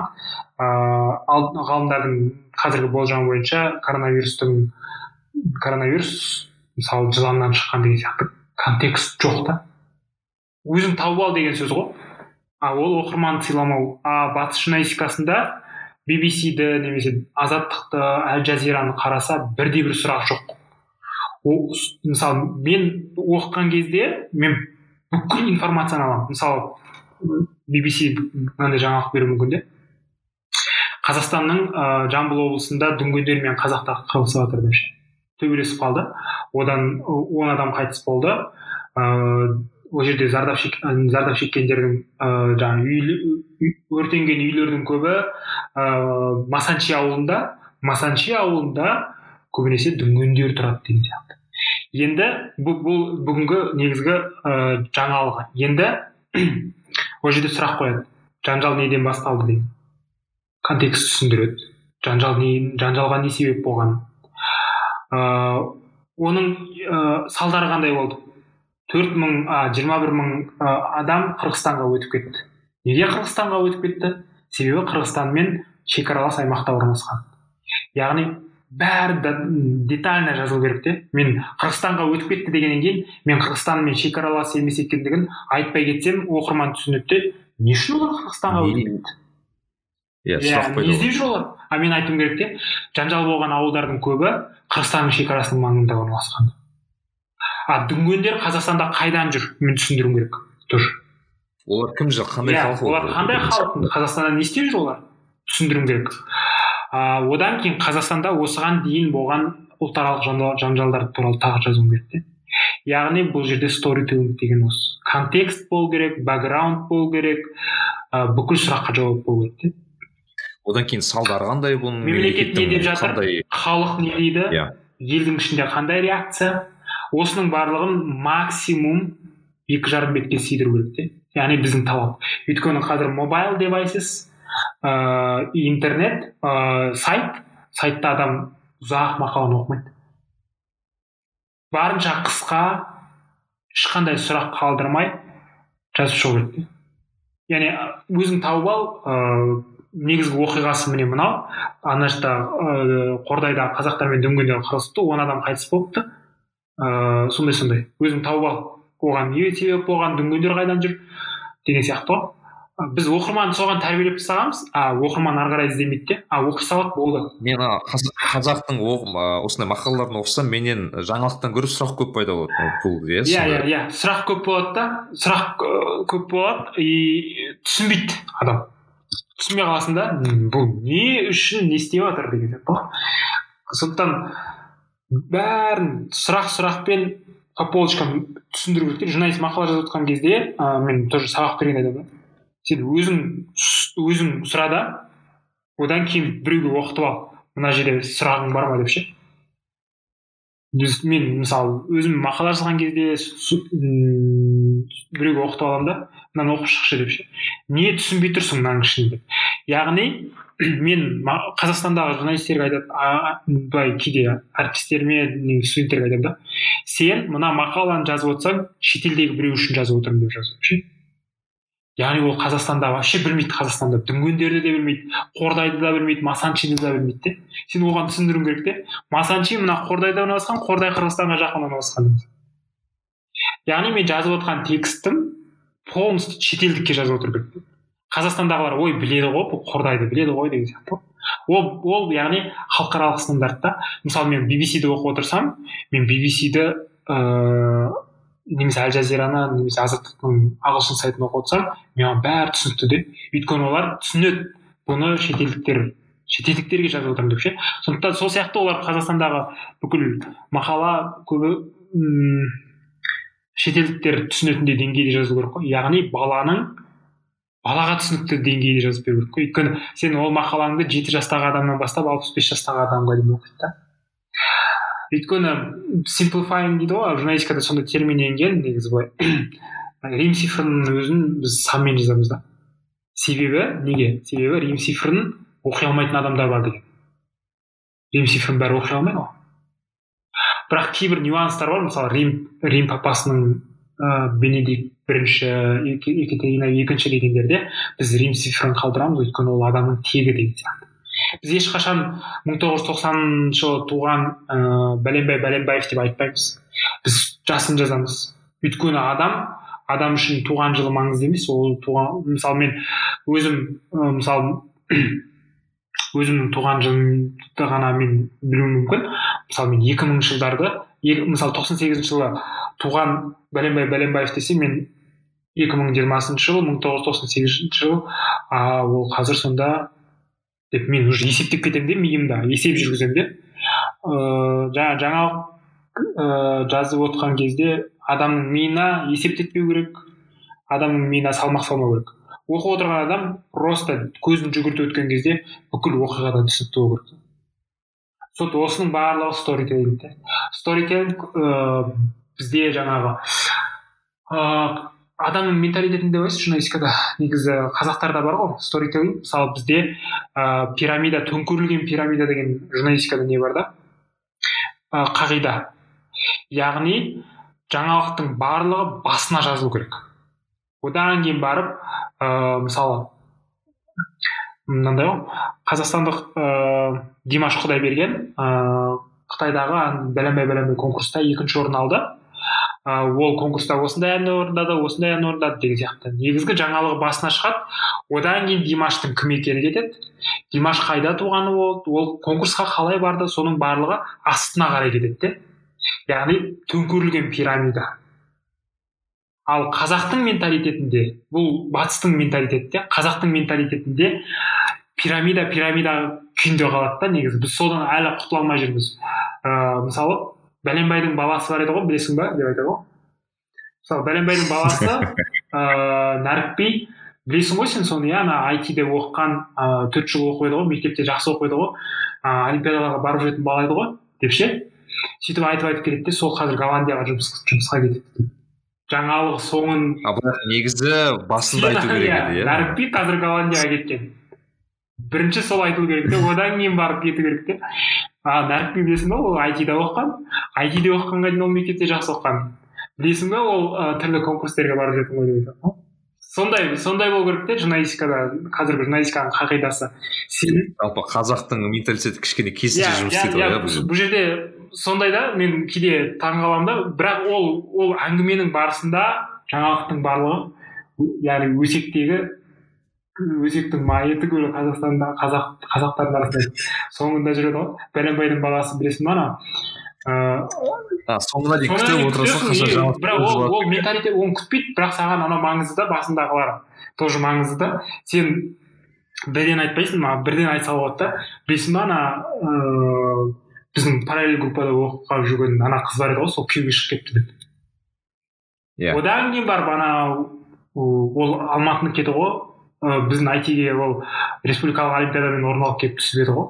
И то айтиде оқып жүріп ол білесің ба лондонға барып келген деген сияқты. Содан кейін барып кетпейді кету керек те. Жоқ ол бірінші айтады білесің ба анау лондонға барып келген ана айтиде грантқа түсіп қыз ғой. Информация бірінші Иә, береді. білесің ба сол анаған күйеуге шығып кетті деген сияқты болды да соңында да. Мен вот сторителлинг қазақ тілінде керісінше жұмыс істейді де. Мен соған мысалы кейде соның барлығын былай зерттеп ойлап отырамын да. Ол біздің менталитетке де байланысты деп ше. Тоже газеттерде де сондай ғой мақалаларда бүкіл мақаланың нәрі мақаланың күшті бәрі Соңында. жатады сол соңынан соңынан жоғары қарай оқыса болады да кейде сторителлинг деген сол ғой. Яғни ыыы сторителлинг деген қазақ журналистикасында ақсап жатыр сторителлинг деген понятие жоқ вообще. Мен университетте үйретілмейді. университетте үйретілмейді өйткені университетте білмейді оны сторителлинг дегенді маған сабақ берген адам сторителлингтің не екенін маған ешқашан айтпаған. Жаңағы төңкерілген пирамида туралы маған ешкім айтпаған. Мен оның барлығын мына жаққа келіп сөз естіп олай жазуға болмайды. Былай жаз дегеннен кейін барып мен а солай екен ғой деп барып түсіндім де. Мгм. оның барлығын университетте университетте а негізі мен сабақ берген кезде ыыы Қа- қазақстанда жүрген кезде сабақ бердім м, казгуда есдуда сол кезде мен үшінші курстарға бердім де а мен үшінші курстарға осыны үйретуім керек те а сабақтың аты Иә. саяси журналистика саяси оқиғаларды ыыы қалай жазу керек деген немесе халықаралық оқиғаларды жазу әдістері деген болады ғой. Мен сабағымның аты сол а мен оны үйрете алмаймын. Өйткені бұл жаңағы сторителлинг немесе төңкерілген пирамида бэкграунд контекстті білмейді де. Ыыы ол мен қалай үйретемін егер иә оны иә иә ол ол керек білмесе бірінші екінші курста ол білмей келсе мен оларға барып бүгін ыыы мысалы коронавирус туралы қалай жазу керек немесе украинадағы жағдайда ыыы украинада не болып жатыр дегенді мен қалай не істеймін украина мен россияның арасында не болып жатыр немесе қытайдың саясаты қандай? А оған қалай анализ жасайды олар? Өйткені анау жоқ қой. Соның аласың да аналарды үйретесің. А олар оған аузын ашып қарайды да. Вау вау деп ше. Мынау күшті неге бізге иә үйретпеді мынау деген неге күшті? Мынандай бар ма журналистикада деген сияқты. А сен просто отырасың таңқалып отырасың. Өйткені а сен оларға одан кейін көрінесің күшті білім беретін мұғалім сияқты көрінесің да өйткені оларға ешкім ештеңе айтпаған. Содан кейін а деп ауыз ашады да. Негізі менің ойымша бұл шетелдік мынау журналистика үйрететін факультеттерде шетелдік батыстық ыыы университеттерде бұл базовый яғни ыыы фаундейшн ретінде беретін бірінші екінші курста кәдімгі күштілеп тұр. Өйткені қазақстанда қазақстанда журналистикада бар журналистикаға кіріспе тележурналистика радиожурналистика телехабар дайындау мақала жазу деген сабақ бар. А осы сабақтарды үйрену керек те. Үшінші курстан бастап детально кете бастайды. Саяси журналистика спорт журналистикасы ыыы жаңағы халықаралық істерді жазу авторлық құқық деген сияқты ғой. Сондай ғой мысалы. Үшінші курста сен оларды қалай үйретесің оған? Иә. Ыыы өйткені анау екеуі бірінші екінші курс уже пустой болса бос багаж жоқ ешқандай. А оларға барып одан кейін жаңағы сияқты нелерді түсіндірсең ауыздарын ашып отырады да супер вообще мынандай бар екен ғой вообще әлемде журналистика мынандай болып кетті ғой деген сияқты. А одан кейін қазір мысалы social видео деген шығып жатыр ғой инстаграмдарға бір минуттық видеолар. А сен бір минуттың ішінде Иә. бүкіл информацияны сүйдіру керек те. А сенде сторителлинг болмаса сен ананы жеткізе алмайсың да. Коронавирустың бүгін өлгендердің санын қанша адамға жұққан санын әлемдегі қанша елге тарап кеткен и коронавирустың не екенін түсіндіріп бір минутта түсіндіріп беру керек те а ол сторителлинг өте мықты болмаса контекстті бере алмайсың да. Контекст түсінбейді контекст түсінбегеннен кейін бітті шашырайды ғой. Иә. осындай бір проблемалар бар қазақ журналистикасында. Оны жою үшін ыыы просто көп адам білу керек те осыны көп адам түсіну керек бес алты адам ғана түсіну керек оны. Көп адам түсіну керек ал ол Иә. түсіну үшін тоже ағылшын тілін білу керек. Мысалы қазақ уже тағы да ағылшын келеді. А сен контекст сторителлинг бәрін түсіндіресің а қазақстанда оны оқитын бірде бір не жоқ қой? Азаттықтың мысалы азаттық соған ғана тырысамыз біз. Бүкіл контекстті сторителлингті беру үшін ше. Иә мен мен азаттықты оқысам шынымен де ыыы бағана сторителлингтің былай элементтерін иә. Байқаймын біз яғни барынша сақтауға тырысамыз да. Иә. А сторителлинг одан кейін жаңағы әл жазирада бар нью йорк таймста бар. Ыыы олардың барлығын түсіну үшін ағылшын тілі керек. Бірақ енді нью йорк бұл Иә. жалпы ана нью йорк таймс BBC оның бәрі былайша айтқанда әлемдік стандарттар иә осы осы былайша айтқанда стандарт, стандарттарды қалыптастыратын негізгі нелер ғой лайнерлер ғой иә кемелер ғой бүкіл әлемдік Иә. журналистиканы алға сүйрейтін. Осы негізі бес алты бір журналистиканың гуглы иә болады бес алты медиа бар. Рейтерс аль жазира нью йорк таймс ыыы енді hp бар. Одан кейін ыыы жаңағы BBC ыыы евроньюс деген сияқты бір нелер бар. Кәдімгі алға сүйреп жүретін бүкіл нені ше журналистиканы. Иә. ыыы олардың жұмысын түсіну үшін конечно ағылшын керек қой бірінші кезекте. Бізде қазақ оқырмандарын тәрбиелеу керек те. Неге қазақстандағы ютубтағы трендте бірінші ыыы қайрат болма тұрады немесе қалаулым тұрады деген сияқты ғой. Немесе ирина қайратовна деген шоу тұрады. Сапаға өте үлкен сұрақ. Иә бұл жерде, жерде оқырманның бізде оқырман сапасы сондай да. Ә, русеке енді сіз айттыңыз иә мен сіз сабақ береді екенсіз иә. Мен сабақ бергенсіз казгуде және сду да менің бұл жерде сабақ жайлы емес енді қазіргі журналист болам деген жас маманның мотивациясы жайлы сұрағым келеді да. Себебі айталық бір сексенінші жылдардағы бағанағы казгуға түскен журналистердің мотивациясы бір болса қазіргі жастардың мен онша мотивацияны түсіне бермеймін. Мгм. расы керек өйткені қазақстандағы жалпы мотива журналистиканың өзі ол біртүрлі бір субстанция да. Өйткені бұл журналистика бар деген сұрақтың өзі бір кішкене қызық та маған ол бар ма жоқ па оған бөлек сұрақ. Ал жалпы жастардың неге журналистикаға бару керек екенін онша түсіне бермеймін. Себебі қазіргі инфлюенсерлер дейді ғой жалпы. Олар ы, бағанағы сіз айтпақшы вайнерлер ютуберлер немесе бағанағы өздерінің инстаграм немесе пара- ә, фейсбук парақшаларында танымал кісілерді яғни өзінің аудиториясы бар өздерінің былайша айтқанда ешқандай азаттық болсын басқа баспа болсын қажет етпей өздері жеке контент шығарушы контент креаторлар. Сол соған соған байланысты мен журналисттер не бұл жерде керек екенін түсінбеймін. Ә, соны түсіне алдыңыз ба бұл вайнерлер тек қазақстанда ғана емес ол бүкіл неде уже шығып кетті ғой. Оған иә, тренд кетті ютуб бірақ ақпарат әлемде сапалы болып бара жатыр да. Яғни ыыы бала ақпарат талап ететін а, әлемде адамдар көп. Неге нью йорк таймстың ыыы ана жолы бір үлкен ақпарат шықты ғой? Жүз миллион подписчигі жазылды деп. Нью йорк таймстың газетінің сайтына яғни газеттің күнделікті алып отыратын жүз миллионыншы адам жазылған да. А бітті уже сапалы ақпарат. Сондықтан ыыы вайнерлер қала береді бірақ олар бәрібір олар контент мейкер олар ньюсмейкер емес бірақ. А ньюсмейкер түсінігі айырмашылығы бар иә бұл жерде. Ә, ньюсмейкерлер әрине мен бірде бір вайнердің ньюсмейкері болғанын әлі көрген жоқпын. Мысалы қазақстан ньюсмейкер бәрібір ол журналистер жасайды да ньюсмейкерді вайнерлер емес вайнерлердің иә подписчиктері көп ыыы миллион подписчик бар. Бірақ қазақстанда да бәрібір ыыы саяси оқиғалар елдегі саяси оқиғалар күшейе бастаған сайын халықтың саяси сауаты арта бастаған сайын халықтың жаңағы сапалы ақпаратқа да сапалы сапалы иә контентке Иә. не несі Мгм. сұраныс өте көп болады. Ыыы мысалы bbcге күніне сегіз миллион адам кіреді де мысалы сайтына. Телеарнасын қаншама адам көріп отыр. Вообще мүмкін емес те. Сондықтан ыыы бұл жерде вайнерлер қала береді.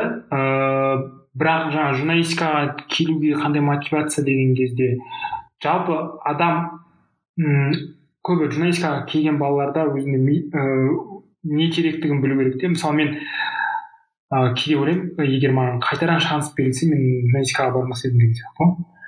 Себебі журналистиканы сол ойлайсыз ба қазір. иә иә мен басқа мамандық мысалы аударма ісіне барып алатын едім деген сияқты ғой.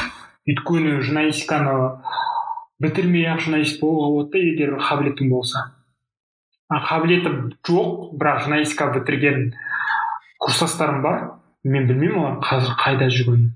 А кейбір таныстарым бар журналистиканы бітірмеген басқа мамандықты бітірген бірақ журналистикада жүрген сияқты жүр дегенім ғой. Сондай. Иә. А журналистиканы бір бір мақсатпен әйтеуір өзімді жүріп жатамын мен орта таптым деп ше ортам болды. Достар таптым ыыы ортақ темада әңгіме қозғай алатын достар таптым деген сияқты ғой. Сол ғана бір көңілге медеу болады. А былай жалпы алып қараған кезде м мен екінші мүмкіндік берілсе ыыы бәлкім басқа мамандық едім бірақ кейбір адамдармен сөйлескен кезде журналистикаға тапсырайын деп жүр едім деген сияқты. Сұрап көремін де не бірдеңе жазғандарың бар ма шыққандары бар ма деген кезде. Егер шыққан дүниелер осыған дейін жазған дүниелер газетке бір жерге шығып жүрсе мен оған айтар едім мысалы айтамын да журналистикаға бармай ақ қой басқа мамандыққа бар деген сияқты ғой. Тағы бір басқа бірдеңе меңгеріп ал деп. Өйткені онда иә оның мысалы айти немесе мүлдем бөлек. Өйткені оның уже уже несінде бойында журналистикалық қабілет бар да. Оны университетке барып дамыта алмайды. Оны курстарға барып немесе жаңағы бір практикада жүрген ыыы журналистерден барып сұрап алуға болады да. Одан яғни бойыңда болса ол журналистік қабілет журналистикаға түсудің де қажеті жоқ қажеті жоқ. Ыыы просто журналистермен араласу керек. Ыыы одан кейін а егер бойыңда ешқандай қабілет жоқ бірақ журналист болғың келетін болса қабілетті ашуға тырысу керек те оның бірден бір жолы ол журналистика факультетіне түсу өйткені қатарларыңды көресің де орта пайда болады. Көресің адамдар не істеп жүргенін. Соларға қарай тырысасың соларға қарай талпыныс жасайсың деген сияқты. Біз кезінде бір минуста болды. Өйткені бізде біздің алдымызда келе жатқан адамдар бізге ақыл айтқандар болды. Яғни былай жазу керек былай жазу керек деген сияқты ғой. А олар өздерінің догмасымен өздерінің былай жазу керек дегенмен айтады да мысалы. Ол негізі маған келіп төртінші курста оқитын бір студент келіп былай жазбайды мынаны былай жазады десе мен сұрасам неге сүйеніп айтып отырсыз? деп сұрасам ол маған айта алмайды да. Мысалы халықаралық журналистиканың стандарты мына стандарт бойынша міне мына қағазда осы мына кітапта былай деп жазылып тұр осылай жазу керек деген сияқты ғой.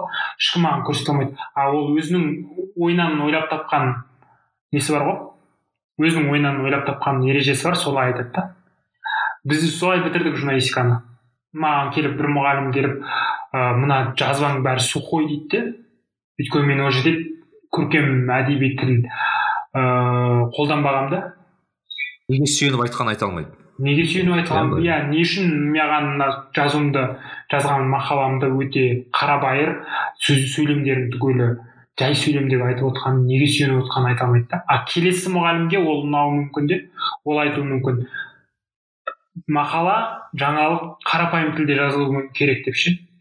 Шешенсімен публицистиканы қоспаңдар оның ішіне деген сияқты өте субъективті зат иә зат әркім өзінің ойын айтады да барлық бір не жоқ ортақ common rule жоқ журналист қазақстан журналистикасында оқытатын кез келген университеттегі ә, әр мұғалім өзінің қалағанша ереже шығарып алады да сол ережені барып үйретеді. Ә, одан барып BBC өстіп жазып жатыр екен. Қараңдар деп талдап бере алмайды да BBC-дің несін. Неге бұл BBC немесе азаттық осылай жазды? Контекст деген қай жерде тұр сторителлингтің ә, ережесі бойынша мынау неге мына жерде жазылып тұр деген сияқты. Ол түсіндіре алмайды да. Ол ана оқып отқан кезде талдай талдай білу керек те. Оқырман қарапайым оқырман оны талдамайды. Ыыы а журналист өзі біреудің мақаласын оқып отқан кезде редактор ретінде талдап отыру керек те.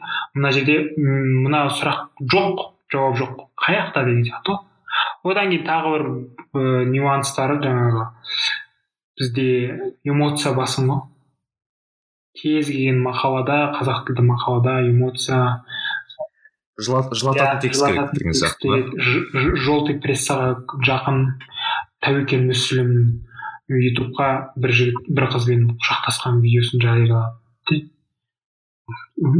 что не ол жерден қандай жаңалық мен түсінбедім немесе өмірім қалай өзгерді Иә. деген сияқты ма? Немесе ыыы мысалы жиырма екінші ақпан күні бүкіл қазақстанда билікке қарсы наразылық болып жатады да. Қазақстанда бірде бір басылым аузын ашпайды да. Яғни азаттықтан басқа. Бірде бір басылым. Иә ол ол рас ол деген қазақстанда журналистиканың дамымауына бір себеп цензурада әсерін тигізіп отыр деп ойлаймын. Кейде өзімнің әріптестерімді аяп кетемін. Жаздырмаса не жазады? Олар жазғысы жаз- жазғысы келсе жаза бірақ алмайды жаза не алмайды. істейді барады жаза алмайды. Ыыы ол ыыы оның бүкіл ыыы өтірік мақала жазғаннан кейін ол жерде сторителлингте контекст те болмайды. Сен контекст жаза алмайсың ғой. Сен мысалы назарбаев биліктен кетті ә, бірақ қауіпсіздік кеңесінің ә, мәңгі төрағасы нұр отан партиясының лидері ретінде биліктің бір тармағын ұстап отыр деп жаза алмайсың. Ал ол назарбаевтың контексті. Оның биліктен кетпегенін көрсететін контекстте ал оны қазақстандағы бірде бір басылым жаза алмайды. Контексті бере алмайды да. Ал ондай контекстті беруді ойланбағаннан кейін ыыы ойланбағаннан кейін ыыы ол жерде сторителлинг туралы да контекст туралы да әңгіме айтып келеміз бұл жердегі мәселе менің енді жеке ойым бұл мынау тәуелсіз бағанағы басылымдардың жоқтығы шығар иә? Иә тәуелсіз журналистиканың жоқтығы ыыы тәуелсіз журналистика қазақ тілді тәуелсіз журналистика жоқ. Ыыы мен қазақстандық туралы айтып тұрған жоқпын яғни орыс тілді басылымдардың ішінде власть хола ньюс информбюро деген жерде ә, сайттар бар ғой информбюро деген ол жерде Иә. контекст бар. Олар контекстсіз жазбайды мақаланы мен бұл жерде қазақ журналистика өзім қазақ журналистикасында болғаннан кейін қазақ тілінде жазғаннан кейін қазақ журналистикасында осындай үлкен мәселе бар да. Контекст любой редактор да любой кез келген журналистикада контекст пен сторителлингті бэкграунд дегенді ыыы ең сочный нәрселердің барлығы жаңағы пирамиданың төңкерілген жағынан шығу керектігі білмейді де. Сонымен отырасың. Қай жерінде не жаңалық айтқысы келді бұны не айтқысы келді? яғни тұман тұман ғой көрмейсің. Әйтеуір бірдеңе көрінеді ана жақта бұлдырап бірдеңе бірақ былай көрінбейді де оны қолыңды бүйтіп тұманды ашсаң да көрінбейді деген сияқты сондай үлкен проблемалар бар да журналистикада. Енді оны ол қашан аяқтан тұрады ол не істейді қалай дамиды ол туралы болжай алмаймын ештеңе болжай алмаймын. Болжау Иә. өте қиын енді. Ііі рүксеке сіз байқағанымша ә, спорт журналистикасы және политикалық журналистикада әсіресе мынау бағанағы игил игиш иә. Ближний восток қақтығыстар және осы спортта теннис фигурное катание деген сияқты қазір спортты көп жазып жүрген жоқпын өйткені менде спорт жазатын уақыт жоқ та. Спортты негізі бірақ спорт журналистикасы журналист болып бастадым ғой. Негізі ең алғашқы мақалаларым жаңағы үлкен үлкен мақалаларым спортта шықты. Спорт туралы болды да сіз токиода болдыңыз есімде. Токиода иә бірақ кейін ыыы мен социумға да өте бастадым. А, әлем ә, әлемде не болып жатыр деген сияқты ғой. Одан кейін қазақстанның саясатына өте бастадым да. Ыыы қазақстанда не болып жатыр неге бұлай болып жатыр деген сияқты ғой. Мм соның барлығын мм зерттеп оқып оның барлығы тек күнделікті жаңалық оқып отыру ғой. Түсініп отыру оқып отыру да. Жай оқи салу а ана жақта ирак пен иранда бірдеңе болып жатыр екен ғой деген сияқты ғой жаңағы а украинаның самолетін қағып түсіріпті деген.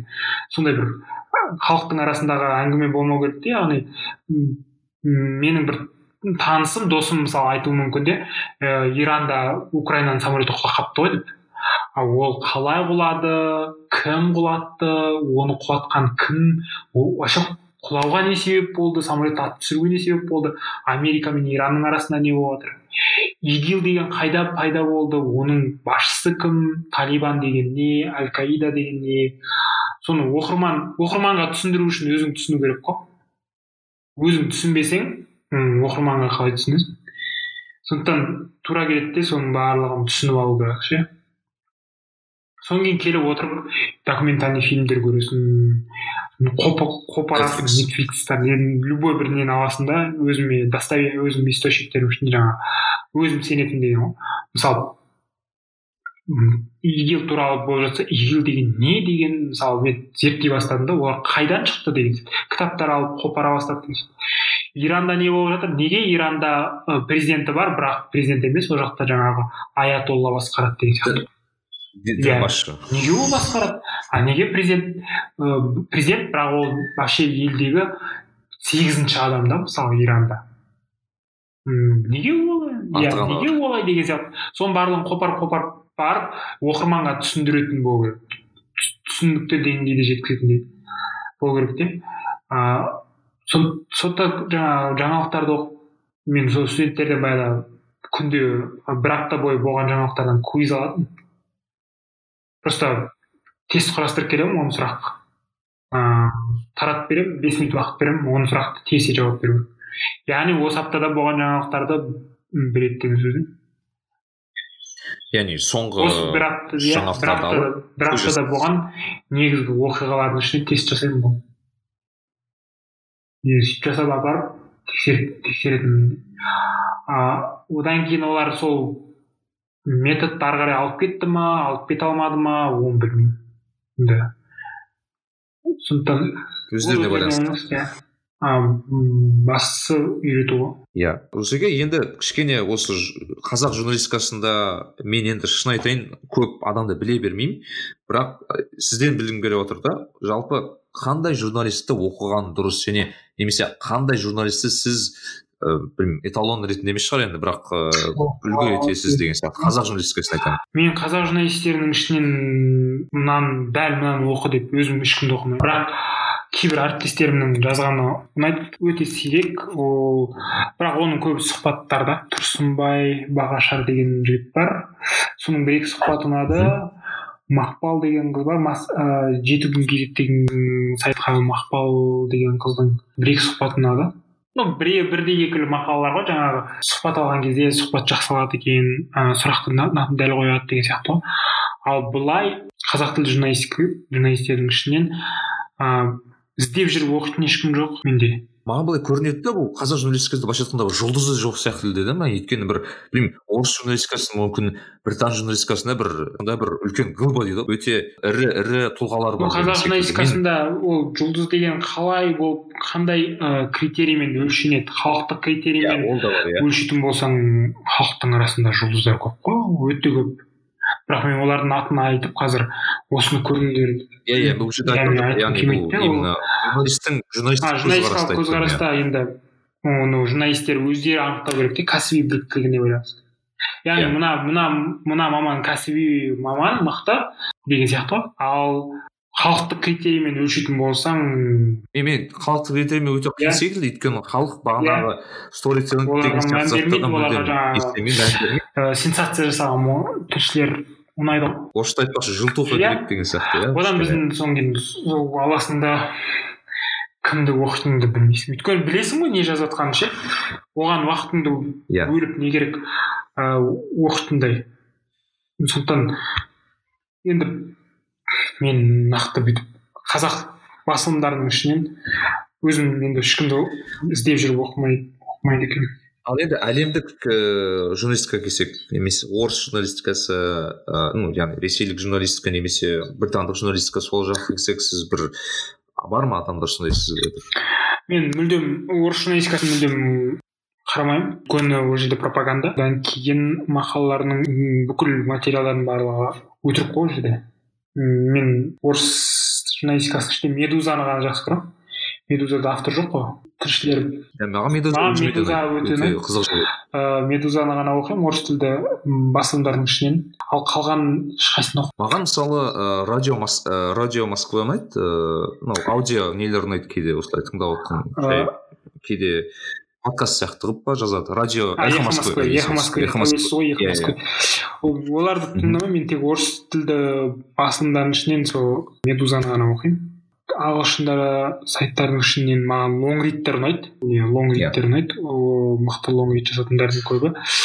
Нью йорк таймс одан экономисттің сараптамалары ұнайды одан кейін ал джазира мен bbcдің жаңалықтары ұнайды одан кейін ал джазираның маған спецпроекттері ұнайды яғни түрлі карталар жаңағы түсіндіретін контенттер ұнайды одан кейін интерактивті. Интерактивті. комикстер ұнайды комикспен түсіндіріп береді. Осын сол сол солар ұнайды ал именно мына авторды оқуым керек деп мен до конца бір авторды не істемейді екенмін. Қандай? Өзіме қызықты тақырып болса соны оқи беремін ғаламда. Мен осы аль жазираға барынша білгім келіп еді. Бұл бұл көбіне международный журналистика ма? Яғни бұл халықаралық журналистикаға кіреді иә? Мен байқасам аль жазира жасайтын бірақ бұл көбіне бұл араб мемлекеттерінің арасындағы немесе осындай бір осы мемлекеттерге өте иә ықпалы үлкен не екенін бұл катарда катардың билігінің қаржыландыруымен бұл пропаганда емес пе деген сұрақ бұл жерде пропаганда жоқ пропагандасын а- көзге ұрып тұрған пропаганда жоқ. Мен өзім көрген пропаганда жоқ. Көзге ұрып тұрған пропагандасы. Именно ағылшынсында ағылшын тіліндегісінде жоқ. Араб тіліндегісін білмеймін. Өйткені бұл екі тілде ғой ағылшын және араб тіліндегісі ал ағылшын тіліндегісінен мен көп көбінесе байқамаймын да. Негізінен былай бөліп алған ғой. Үш үш ыыы медиа алпауыт. BBC аль жазира CNN Иә. бүкіл әлемді үш үшке бөліп алған. Аль жазира көбінесе азия елдеріндегі оқиғаларды қамтиды. Азия таяу шығыс африканы бүкіл африкада не болып жатыр таяу шығыста не болып жатыр? Жаңағы индонезия малайзия филиппин ыыы мьянма таиландта не болып жатыр? Мықты жазады бұлар. Азияны өте күшті қамтиды. Ал BBC көбінесе Европа. Одан кейін ыыы үндістан. Өйткені енді өзінің бұрынғы отары болған ғой. Ұлыбританияның одан кейін ыыы жаңағы солтүстік американы Ам- яғни ол жерде ақш канада мексиканы күшті күшті ақпараттарын күшті береді. Ал CNN ы, бүкіл солтүстік америка мен оңтүстік американы латын латын америкасы. Америкасы латын америкасында венесуэлада немесе бразилияда бір үлкен оқиға болды ма? Cnnнен ғана cnnнен көруге тырысамын. Өйткені олар жерде олардың қолы жетеді сол жерге. Әркім өзінің қолы жететін жердегі оқиғаны мықты мықты қамтиды. Қа- осы үш алпауыт жалпы корпорация десе болады иә үшеуі- недегі медиадағы үшеуі негізгі күш қой журналистикада енді басқа да ұсақ ыыы нелер бар? Маған рейтерстің afp-дің саясаты ұнайды тек қана ақпарат береді ғой иә ол бірақ ақпараттарын сатып алу керек ол жерде м, подписка жасау керек. Ақпаратын ыыы сатып алу керек. Подпискасы өте қымбат. Сіз жалпы осыны қалай ойлайсыз осы? Подпискаға негізделген журналистика өмірге несі иә бар ма? ол қазақстанда болмауы мүмкін бірақ мен есімде болса бір қазақстандық ә, бір сайт ә, есіме түспей отыр. Соны енгізгісі келді бірақ білуімше ол өтпеген секілді. Есімде келді әлі м, краудфандинг бар сияқты өйткені орыс тілді оқырмандар олар ақшасын беруі мүмкін. Ал жалпы гвардиан бар ғой. Бүкіл әлемде иә подпискамен күн көріп отқан подписчиктер өте сол себепті бұлар ә, бағанағы тәуелсіз болу себебі де сол секілді иә? Бұл өйткені өйткені ә, былайша айтқанда халықтан алатын ақшаны иә иә қаржыландыру иә. Мен просто кейде ойланамын да мүмкін халыққа бағанағы біздің басты проблемамыз ә, тәуелсіз журналистика жоқтығы болса бұл көбінесе бағанағы қаржыландыру мәселесіне келеді яғни біздің көп бағанағы тенгриньюс болсын басқа болсын ә, закон kzтер болсын көбінесе мынау мемлекеттік тендерлардан алады. Иә интернет ұтып сол ә, бағанағы тендерлерді жүргізеді. Ә, бағанағы жеке осындай сайттар пайда болса мысалы аз болсын да бірақ ә, подпискамен халық өздері көмектесіп өздері қаржыландырса бұлар халықтың атынан жазуға мүмкін табылатын шығар деген сондай бір ой, ой кейде келеді маған. Мысалы мысалы гардианның ыыы үлгісі сияқты қазақстанда мүмкін емес өйткені ондай ашқысы келсе де ыыы билік аштырмайды. Қазіргі жүйе аштырмайды ондай өйткені өйткені қазақстандағы қазақстанда таза саяси басылымдарға өте қысым көп қой. Мысалы дат деген бар оппозиционный бір оппози дат деген газет бар да. Қаншама қысым көріп келе жатыр сондай да бұл жерде тәуелсіз сол қазақ тілді ііі не ашыла қоймайды ғой властьтікі ерлік бұл жерде.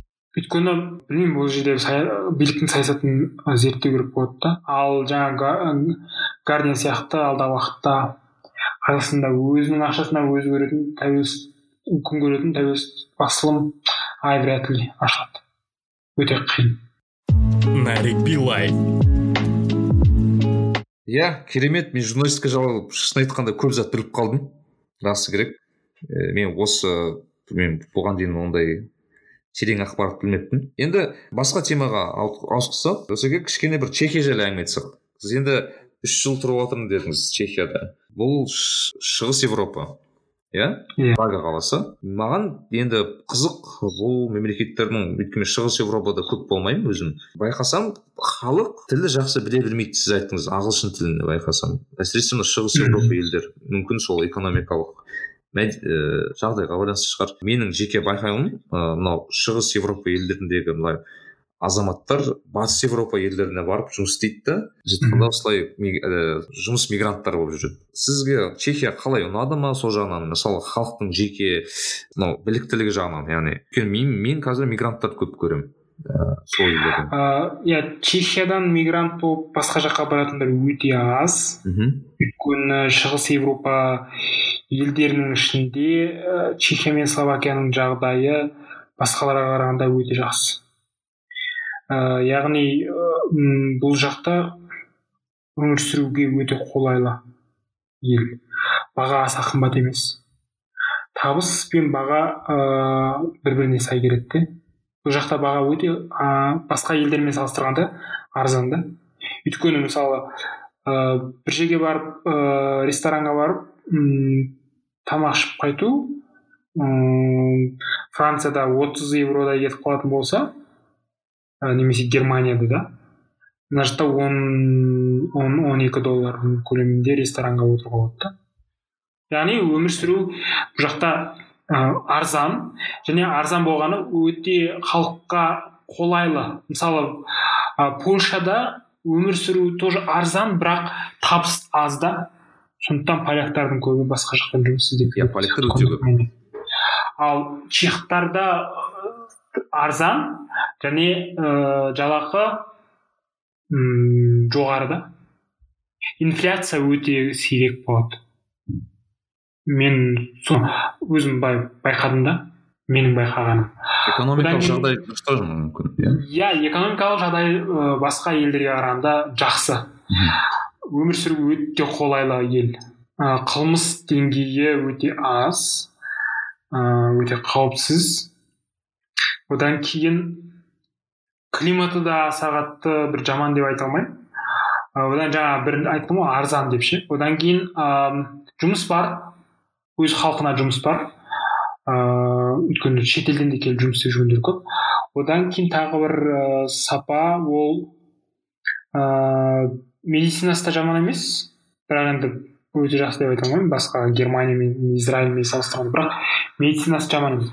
Одан кейін ыыы транспорт өте жақсы бұл жақта өте ең ә, европадағы транспорты өте мықты дамыған елдердің бірі метро ыыы пойыз. Өте қолжетімді және өте уақытымен жүреді. Мен трамвайдың бір бір минутқа кешіккенін ғана көрдім максимум бір минутқа трамвай қаланың ана шетінен мына шетіне метросының өзі мықты.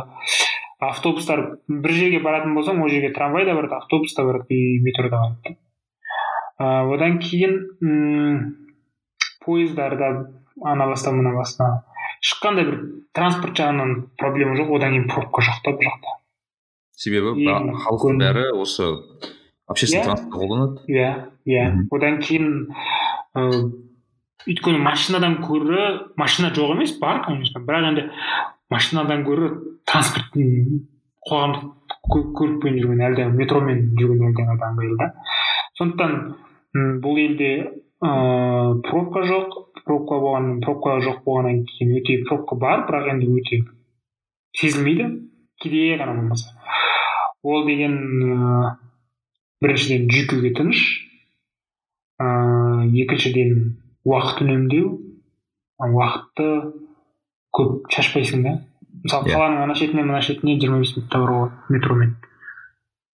Ең ұзағында бір сағатта уже ол қаланың өте алыс шетіне. Метроның өзі аэропорттың өзіне қырық минутта барады иә. Сондай да?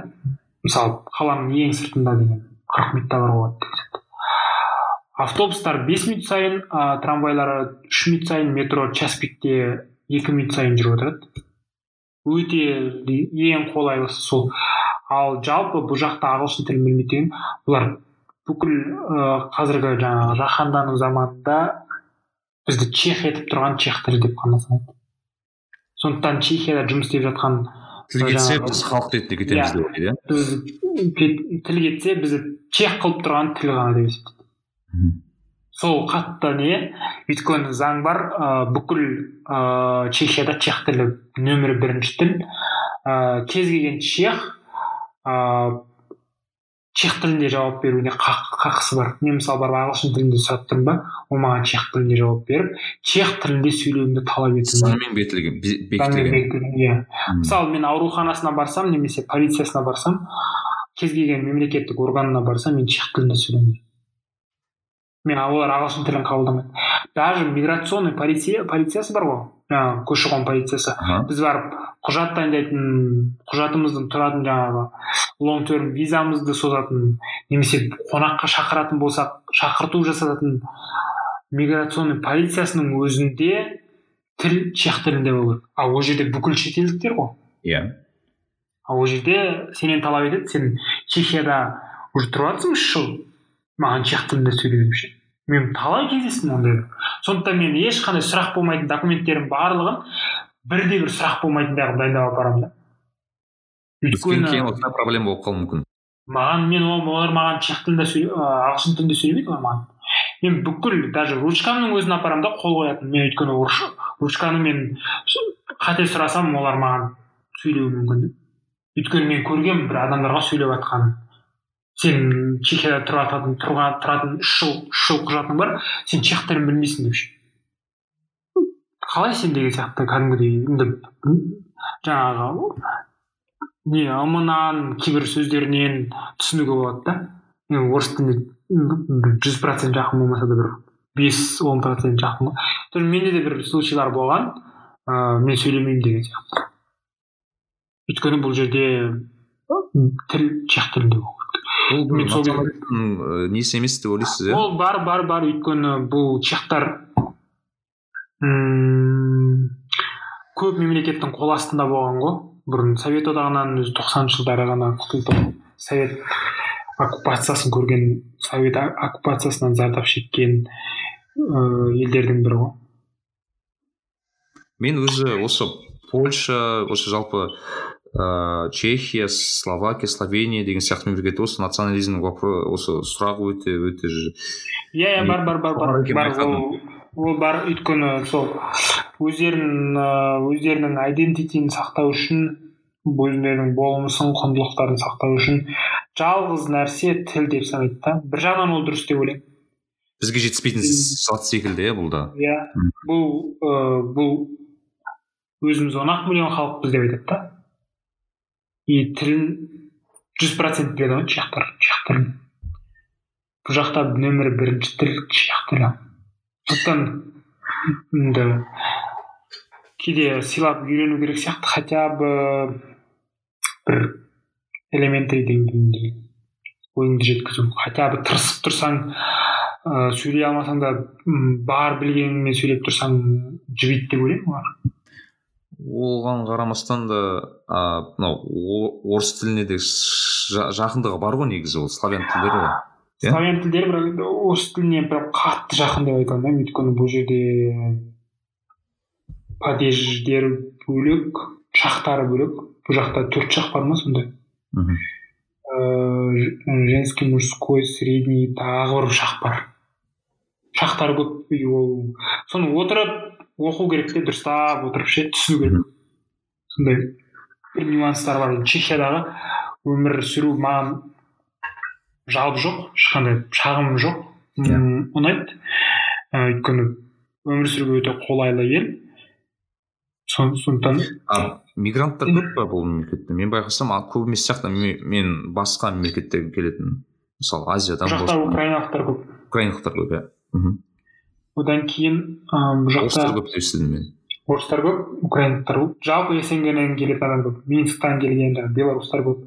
Қазақтар өте көп. Ыыы қазақтар өте көп көремін өйткені көбі студенттер.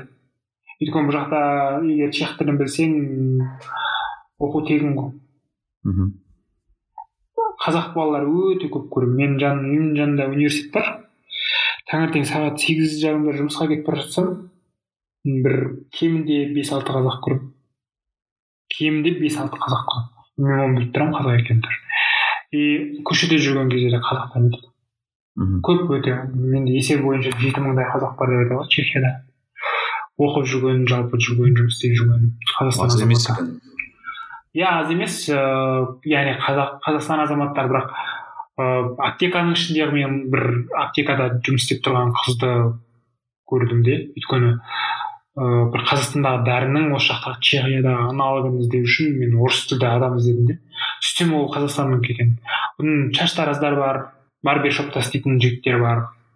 Қазақстаннан келіп алған орыс жігіттер ғой мхм. Көп былай негізі қазақстан ыыы қазақтар. Өйткені оқу арзан өмір сүру арзан жаңағы. Ал одан да қазақстанда бір миллион ыыы бір жарым миллионға казудың жуфа ай юрфагын немесе экономфагын оқығанша осы жаққа келіп сол ақшаға тұрып өмір сүріп европада? европада оқығанын әлдеқайда иә. Оларға тиімді мысалы сол жағынан алып қарап арзандау кейбір жерлерде арзан шығуы мүмкін. А қалып жұмысқа жұмыс жұмыс істейтіндер бар ма? Жалпы мысалы менің таныстарым бар жалпы чехияда білмеймін чехияда қалып жұмыс істеп жүргендерді білмеймін бірақ польшада қалып қалған сол жақта оқу бітіріп сол жақта жұмыс істеп жүрген қазақтарды білемін. Мхм. Ал былай былай енді чехияда көп қазақтармен араласпаймын мүлдем. Жоқ жұмыстағылар ғана болмаса былай өзіміз себебі біріншіден уақыт жоқ ыыы екіншіден білмеймін бір бірімізді тартпай тұрамыз көрсе ешкім ештеңе демейді мысалы да. Көріп қалса вау о қазақстансың ба? деген сияқты. Осы жақта уже өмір сүріп қалған. Біліп тұрамыз бір біріміздің қазақ екенімізді. Потому что танисың ғой қазақты біліп тұрсың ғой. Ну бірақ осы жаққа турист болып келіп жүргендер сразу келеді қазақсың ба деп ше. Яғни ол кезде біз оны көбінесе қазақтарды қайда кездестіреміз түріктердің ресторандарында немесе жаңағы тамақ түріктердің тамақ жасайтын жерлерінде донер. донерлерінде өзбектердің самарқанд деген рестораны бар кафесі бар. Сол жерге барсақ қазақтар отырады. Одан кейін өзбектердің самсасы сататын жерлерде одан кейін орыстардың ы юшка деген тоже сеть бар. Ыыы тамақ борщ там пирожки тамаққа иә өзіміздің иә өзіміздің мысалы сол өзіміз жеп жүрген тамақтарды кейде жегіміз келіп барған кезде сол жерде қазақтар бәрі отырады. Ол жерде ешқандай не жоқ та мысалы. Ешкім ешкімге үндемейді. А былай чехияға келіп қыдырып келіп жүрген қазақтар бірден.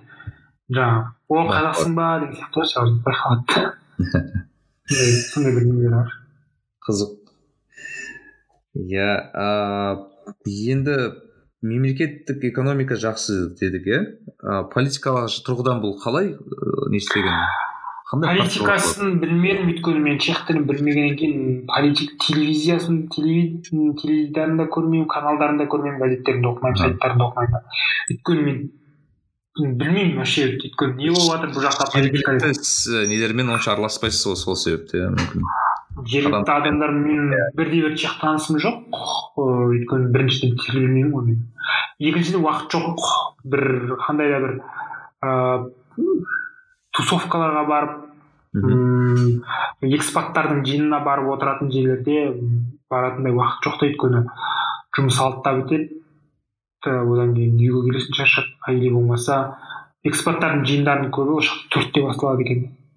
Мм. төрт жарым бесте басталып кетеді а жұмыс бесте бітеді ғой Мхм. бірақ бізде кейде жаңағы соңғы жылдары өте қатты оқиғалар көп болып кетті ғой қарқынды жұмыс иә былтырдан бастап прям Мхм. жеті жарым алты жарым жетіге дейін жұмыста боласың кейде суббота воскресенье істеуі мүмкін ушел мысалы суббота жұмыс істедік воскресенье жарты күн жұмыс істедік деген сияқты ғой өйткені митинг болды ғой иә соны сол жаққа шығып сондай жұмыстар бар да а сондай бір нелер бар одан өзің дамуыңа да көп уақыт бөлгеннен кейін ыыы өзің өзің керек нәрселер оқимын ананы көрейін мынаны көрейін дегеннен кейін жеке дамуға уақыт кетеді иә жеке дамуға уақыт кетті соған уақыт бөлуге тырысасың да нарик билай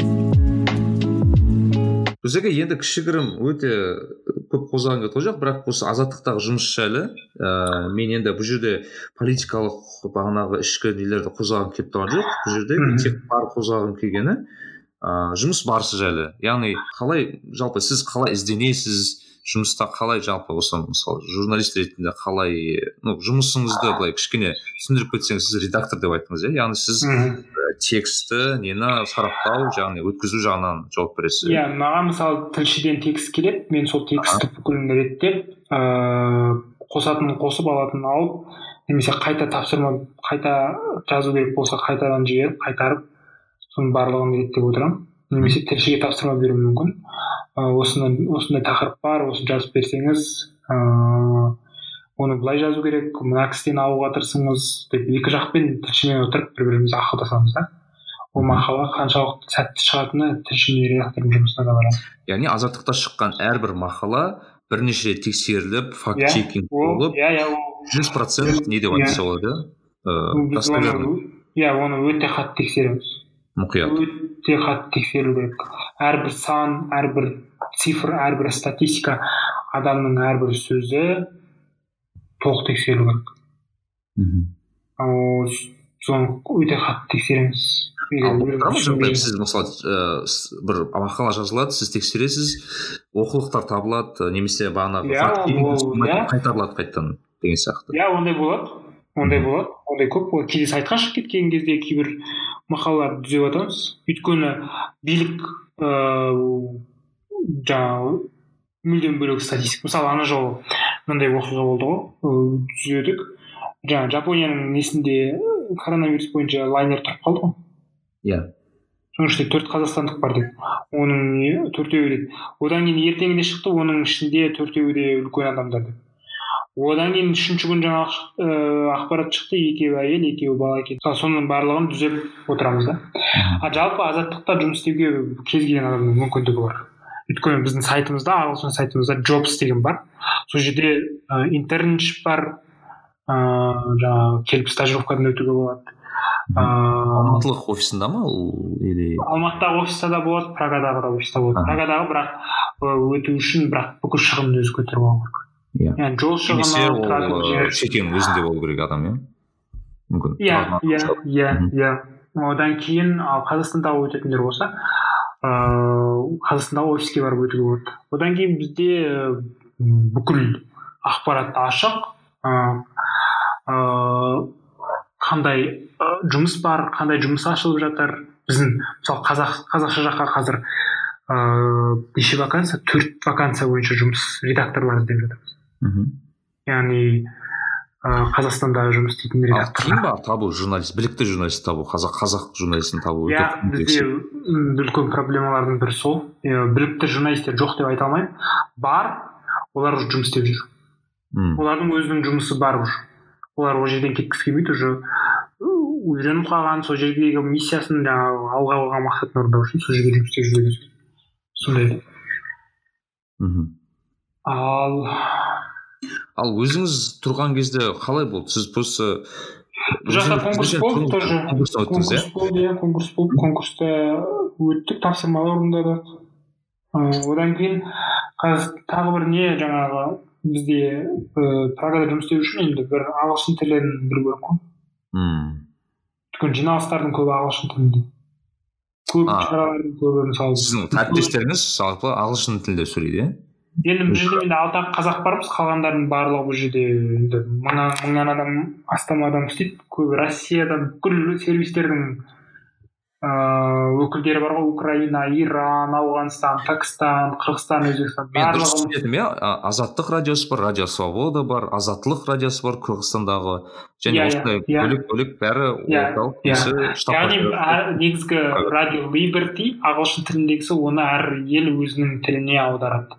Радио фарда парсы тілінде ыыы озодли өзбекше азаттық ыыы үн алғысы дейді қырғыздар ыыы қазақтарды азаттық радиосы дейді. Радио свобода свободна радио мысалы неде беларусь тілінде. Сондай да? Мхм азадлик ә, радиосы дейді та- татар тіліндегі настоящее времяда біздікі маған қызық сияқты жалпы журналистердің осындай бір интернационалды журналистердің бір жерде шоғырлағаны өте бір қызық ыыы былайша айтқанда атмосфераны беретін секілді маған өзіме келді. Иә бізде сол сондықтан жаңағы татарстанда бір оқиға болса біз татарстандағы әріптестерімізден ала береміз деген сияқты. Өзбекстанда бір оқиға болса иә солардың мақаласы. Қазақстанда бірдеңе болып жатса қазақтар қазақтардан ала иә. Қырғызстанда бірдеңе болып жатса мысалы ана жолы жаңағы дүнгендермен қазақтар қырғыз қырқысып қалған кезде. Ыыы жартысы қырғызстанға қашты ғой. Біз өзіміз қырғызстанға бара алмаймыз қырғызстандағы әріптестеріміз оларды түсіріп берді деген сияқты. Яғни бірге жұмыс істейді кооперация деген сияқты иә иә иә. Сондай сондай нюанстар бар жұмыс барысында.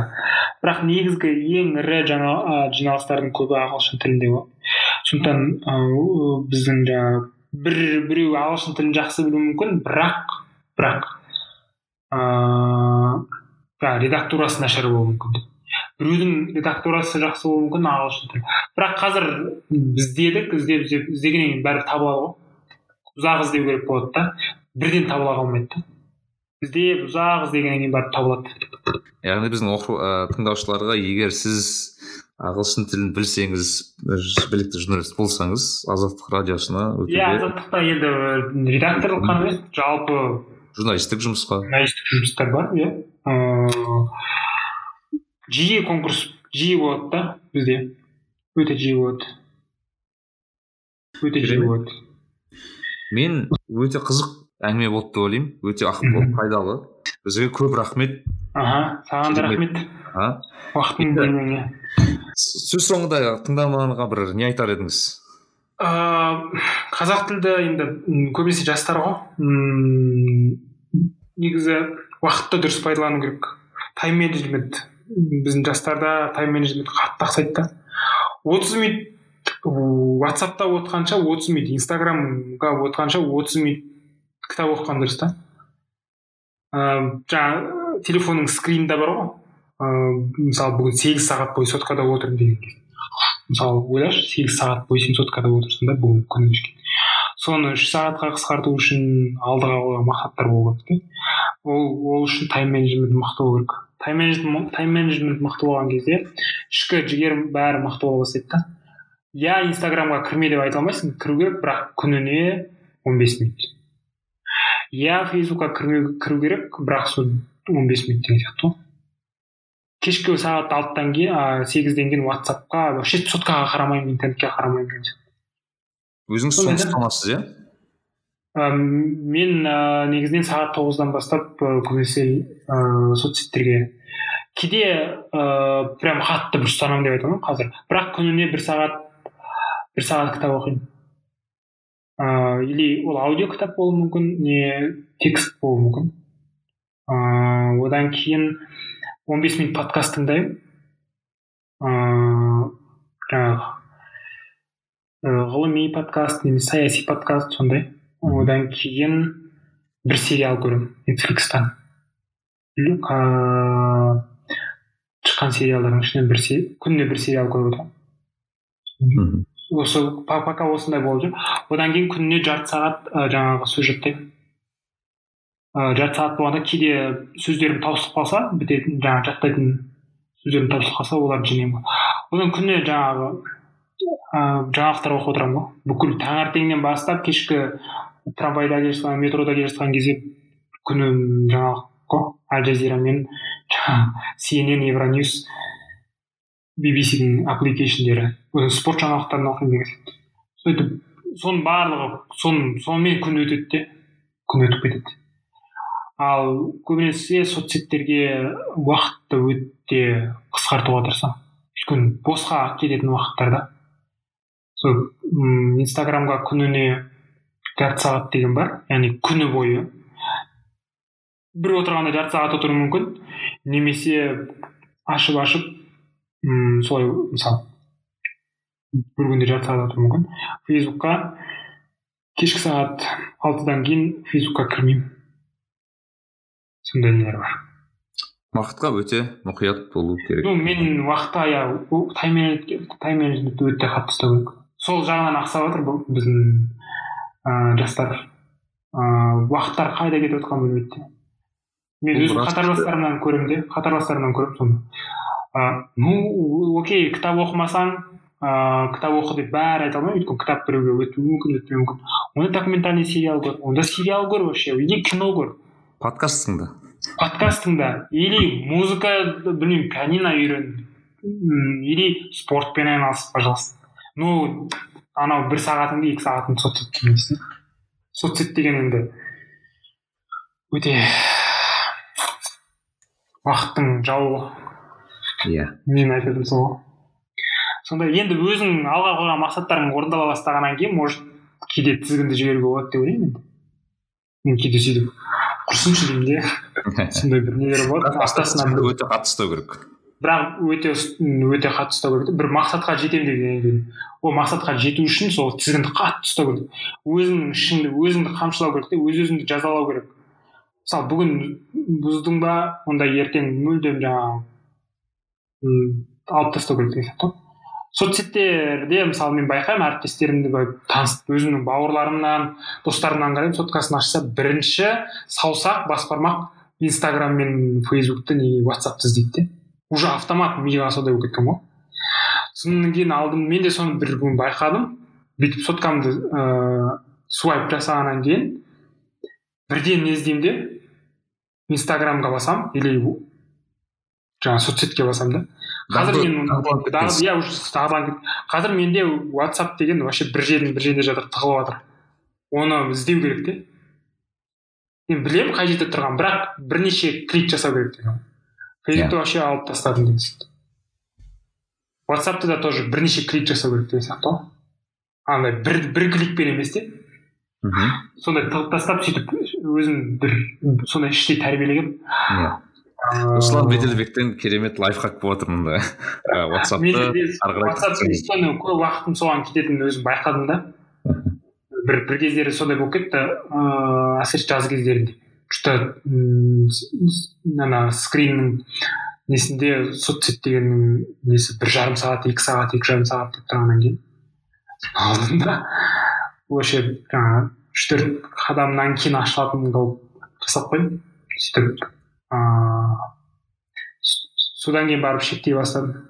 Қазір сол уақытты көбінесе аудио кітаппен подкаст немесе қағаз кітап немесе жаңағы электронды кітап оқуға сериал көруге кино көруге сондайларға жұмсаймын ол ол хотя пайдалы да сериал да пайдалы деп ойлаймын мен өзім үшін пайдалы өйткені спикингім мен сериалдан листингім сериалдан жақсарады мен не үшін сериалдан қашуым керек деген сияқты өйткені листинг кезінде мен сериалдан өзімді жақсы дамыттым да иә яғни ағылшын тілінде көргеннен кейін сол сияқты сондай бір жалпы уақытты сапалы өткізіңіздер. Иә уақытты сапалы өткізу керек. Уақытты сапалы өткізу керек.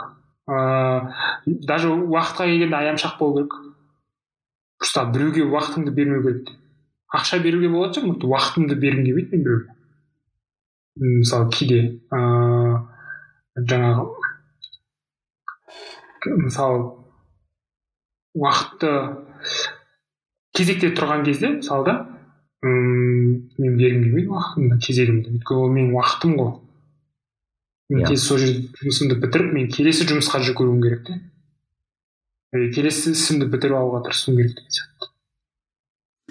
Иә керемет. Өте қызық болды деп ойлаймын тыңдармандарға. Ыыы көп рахмет. Ал келесі кездескенше қош сау болыңыздар. Нарик билай кәсіби және рухани даму жайлы подкаст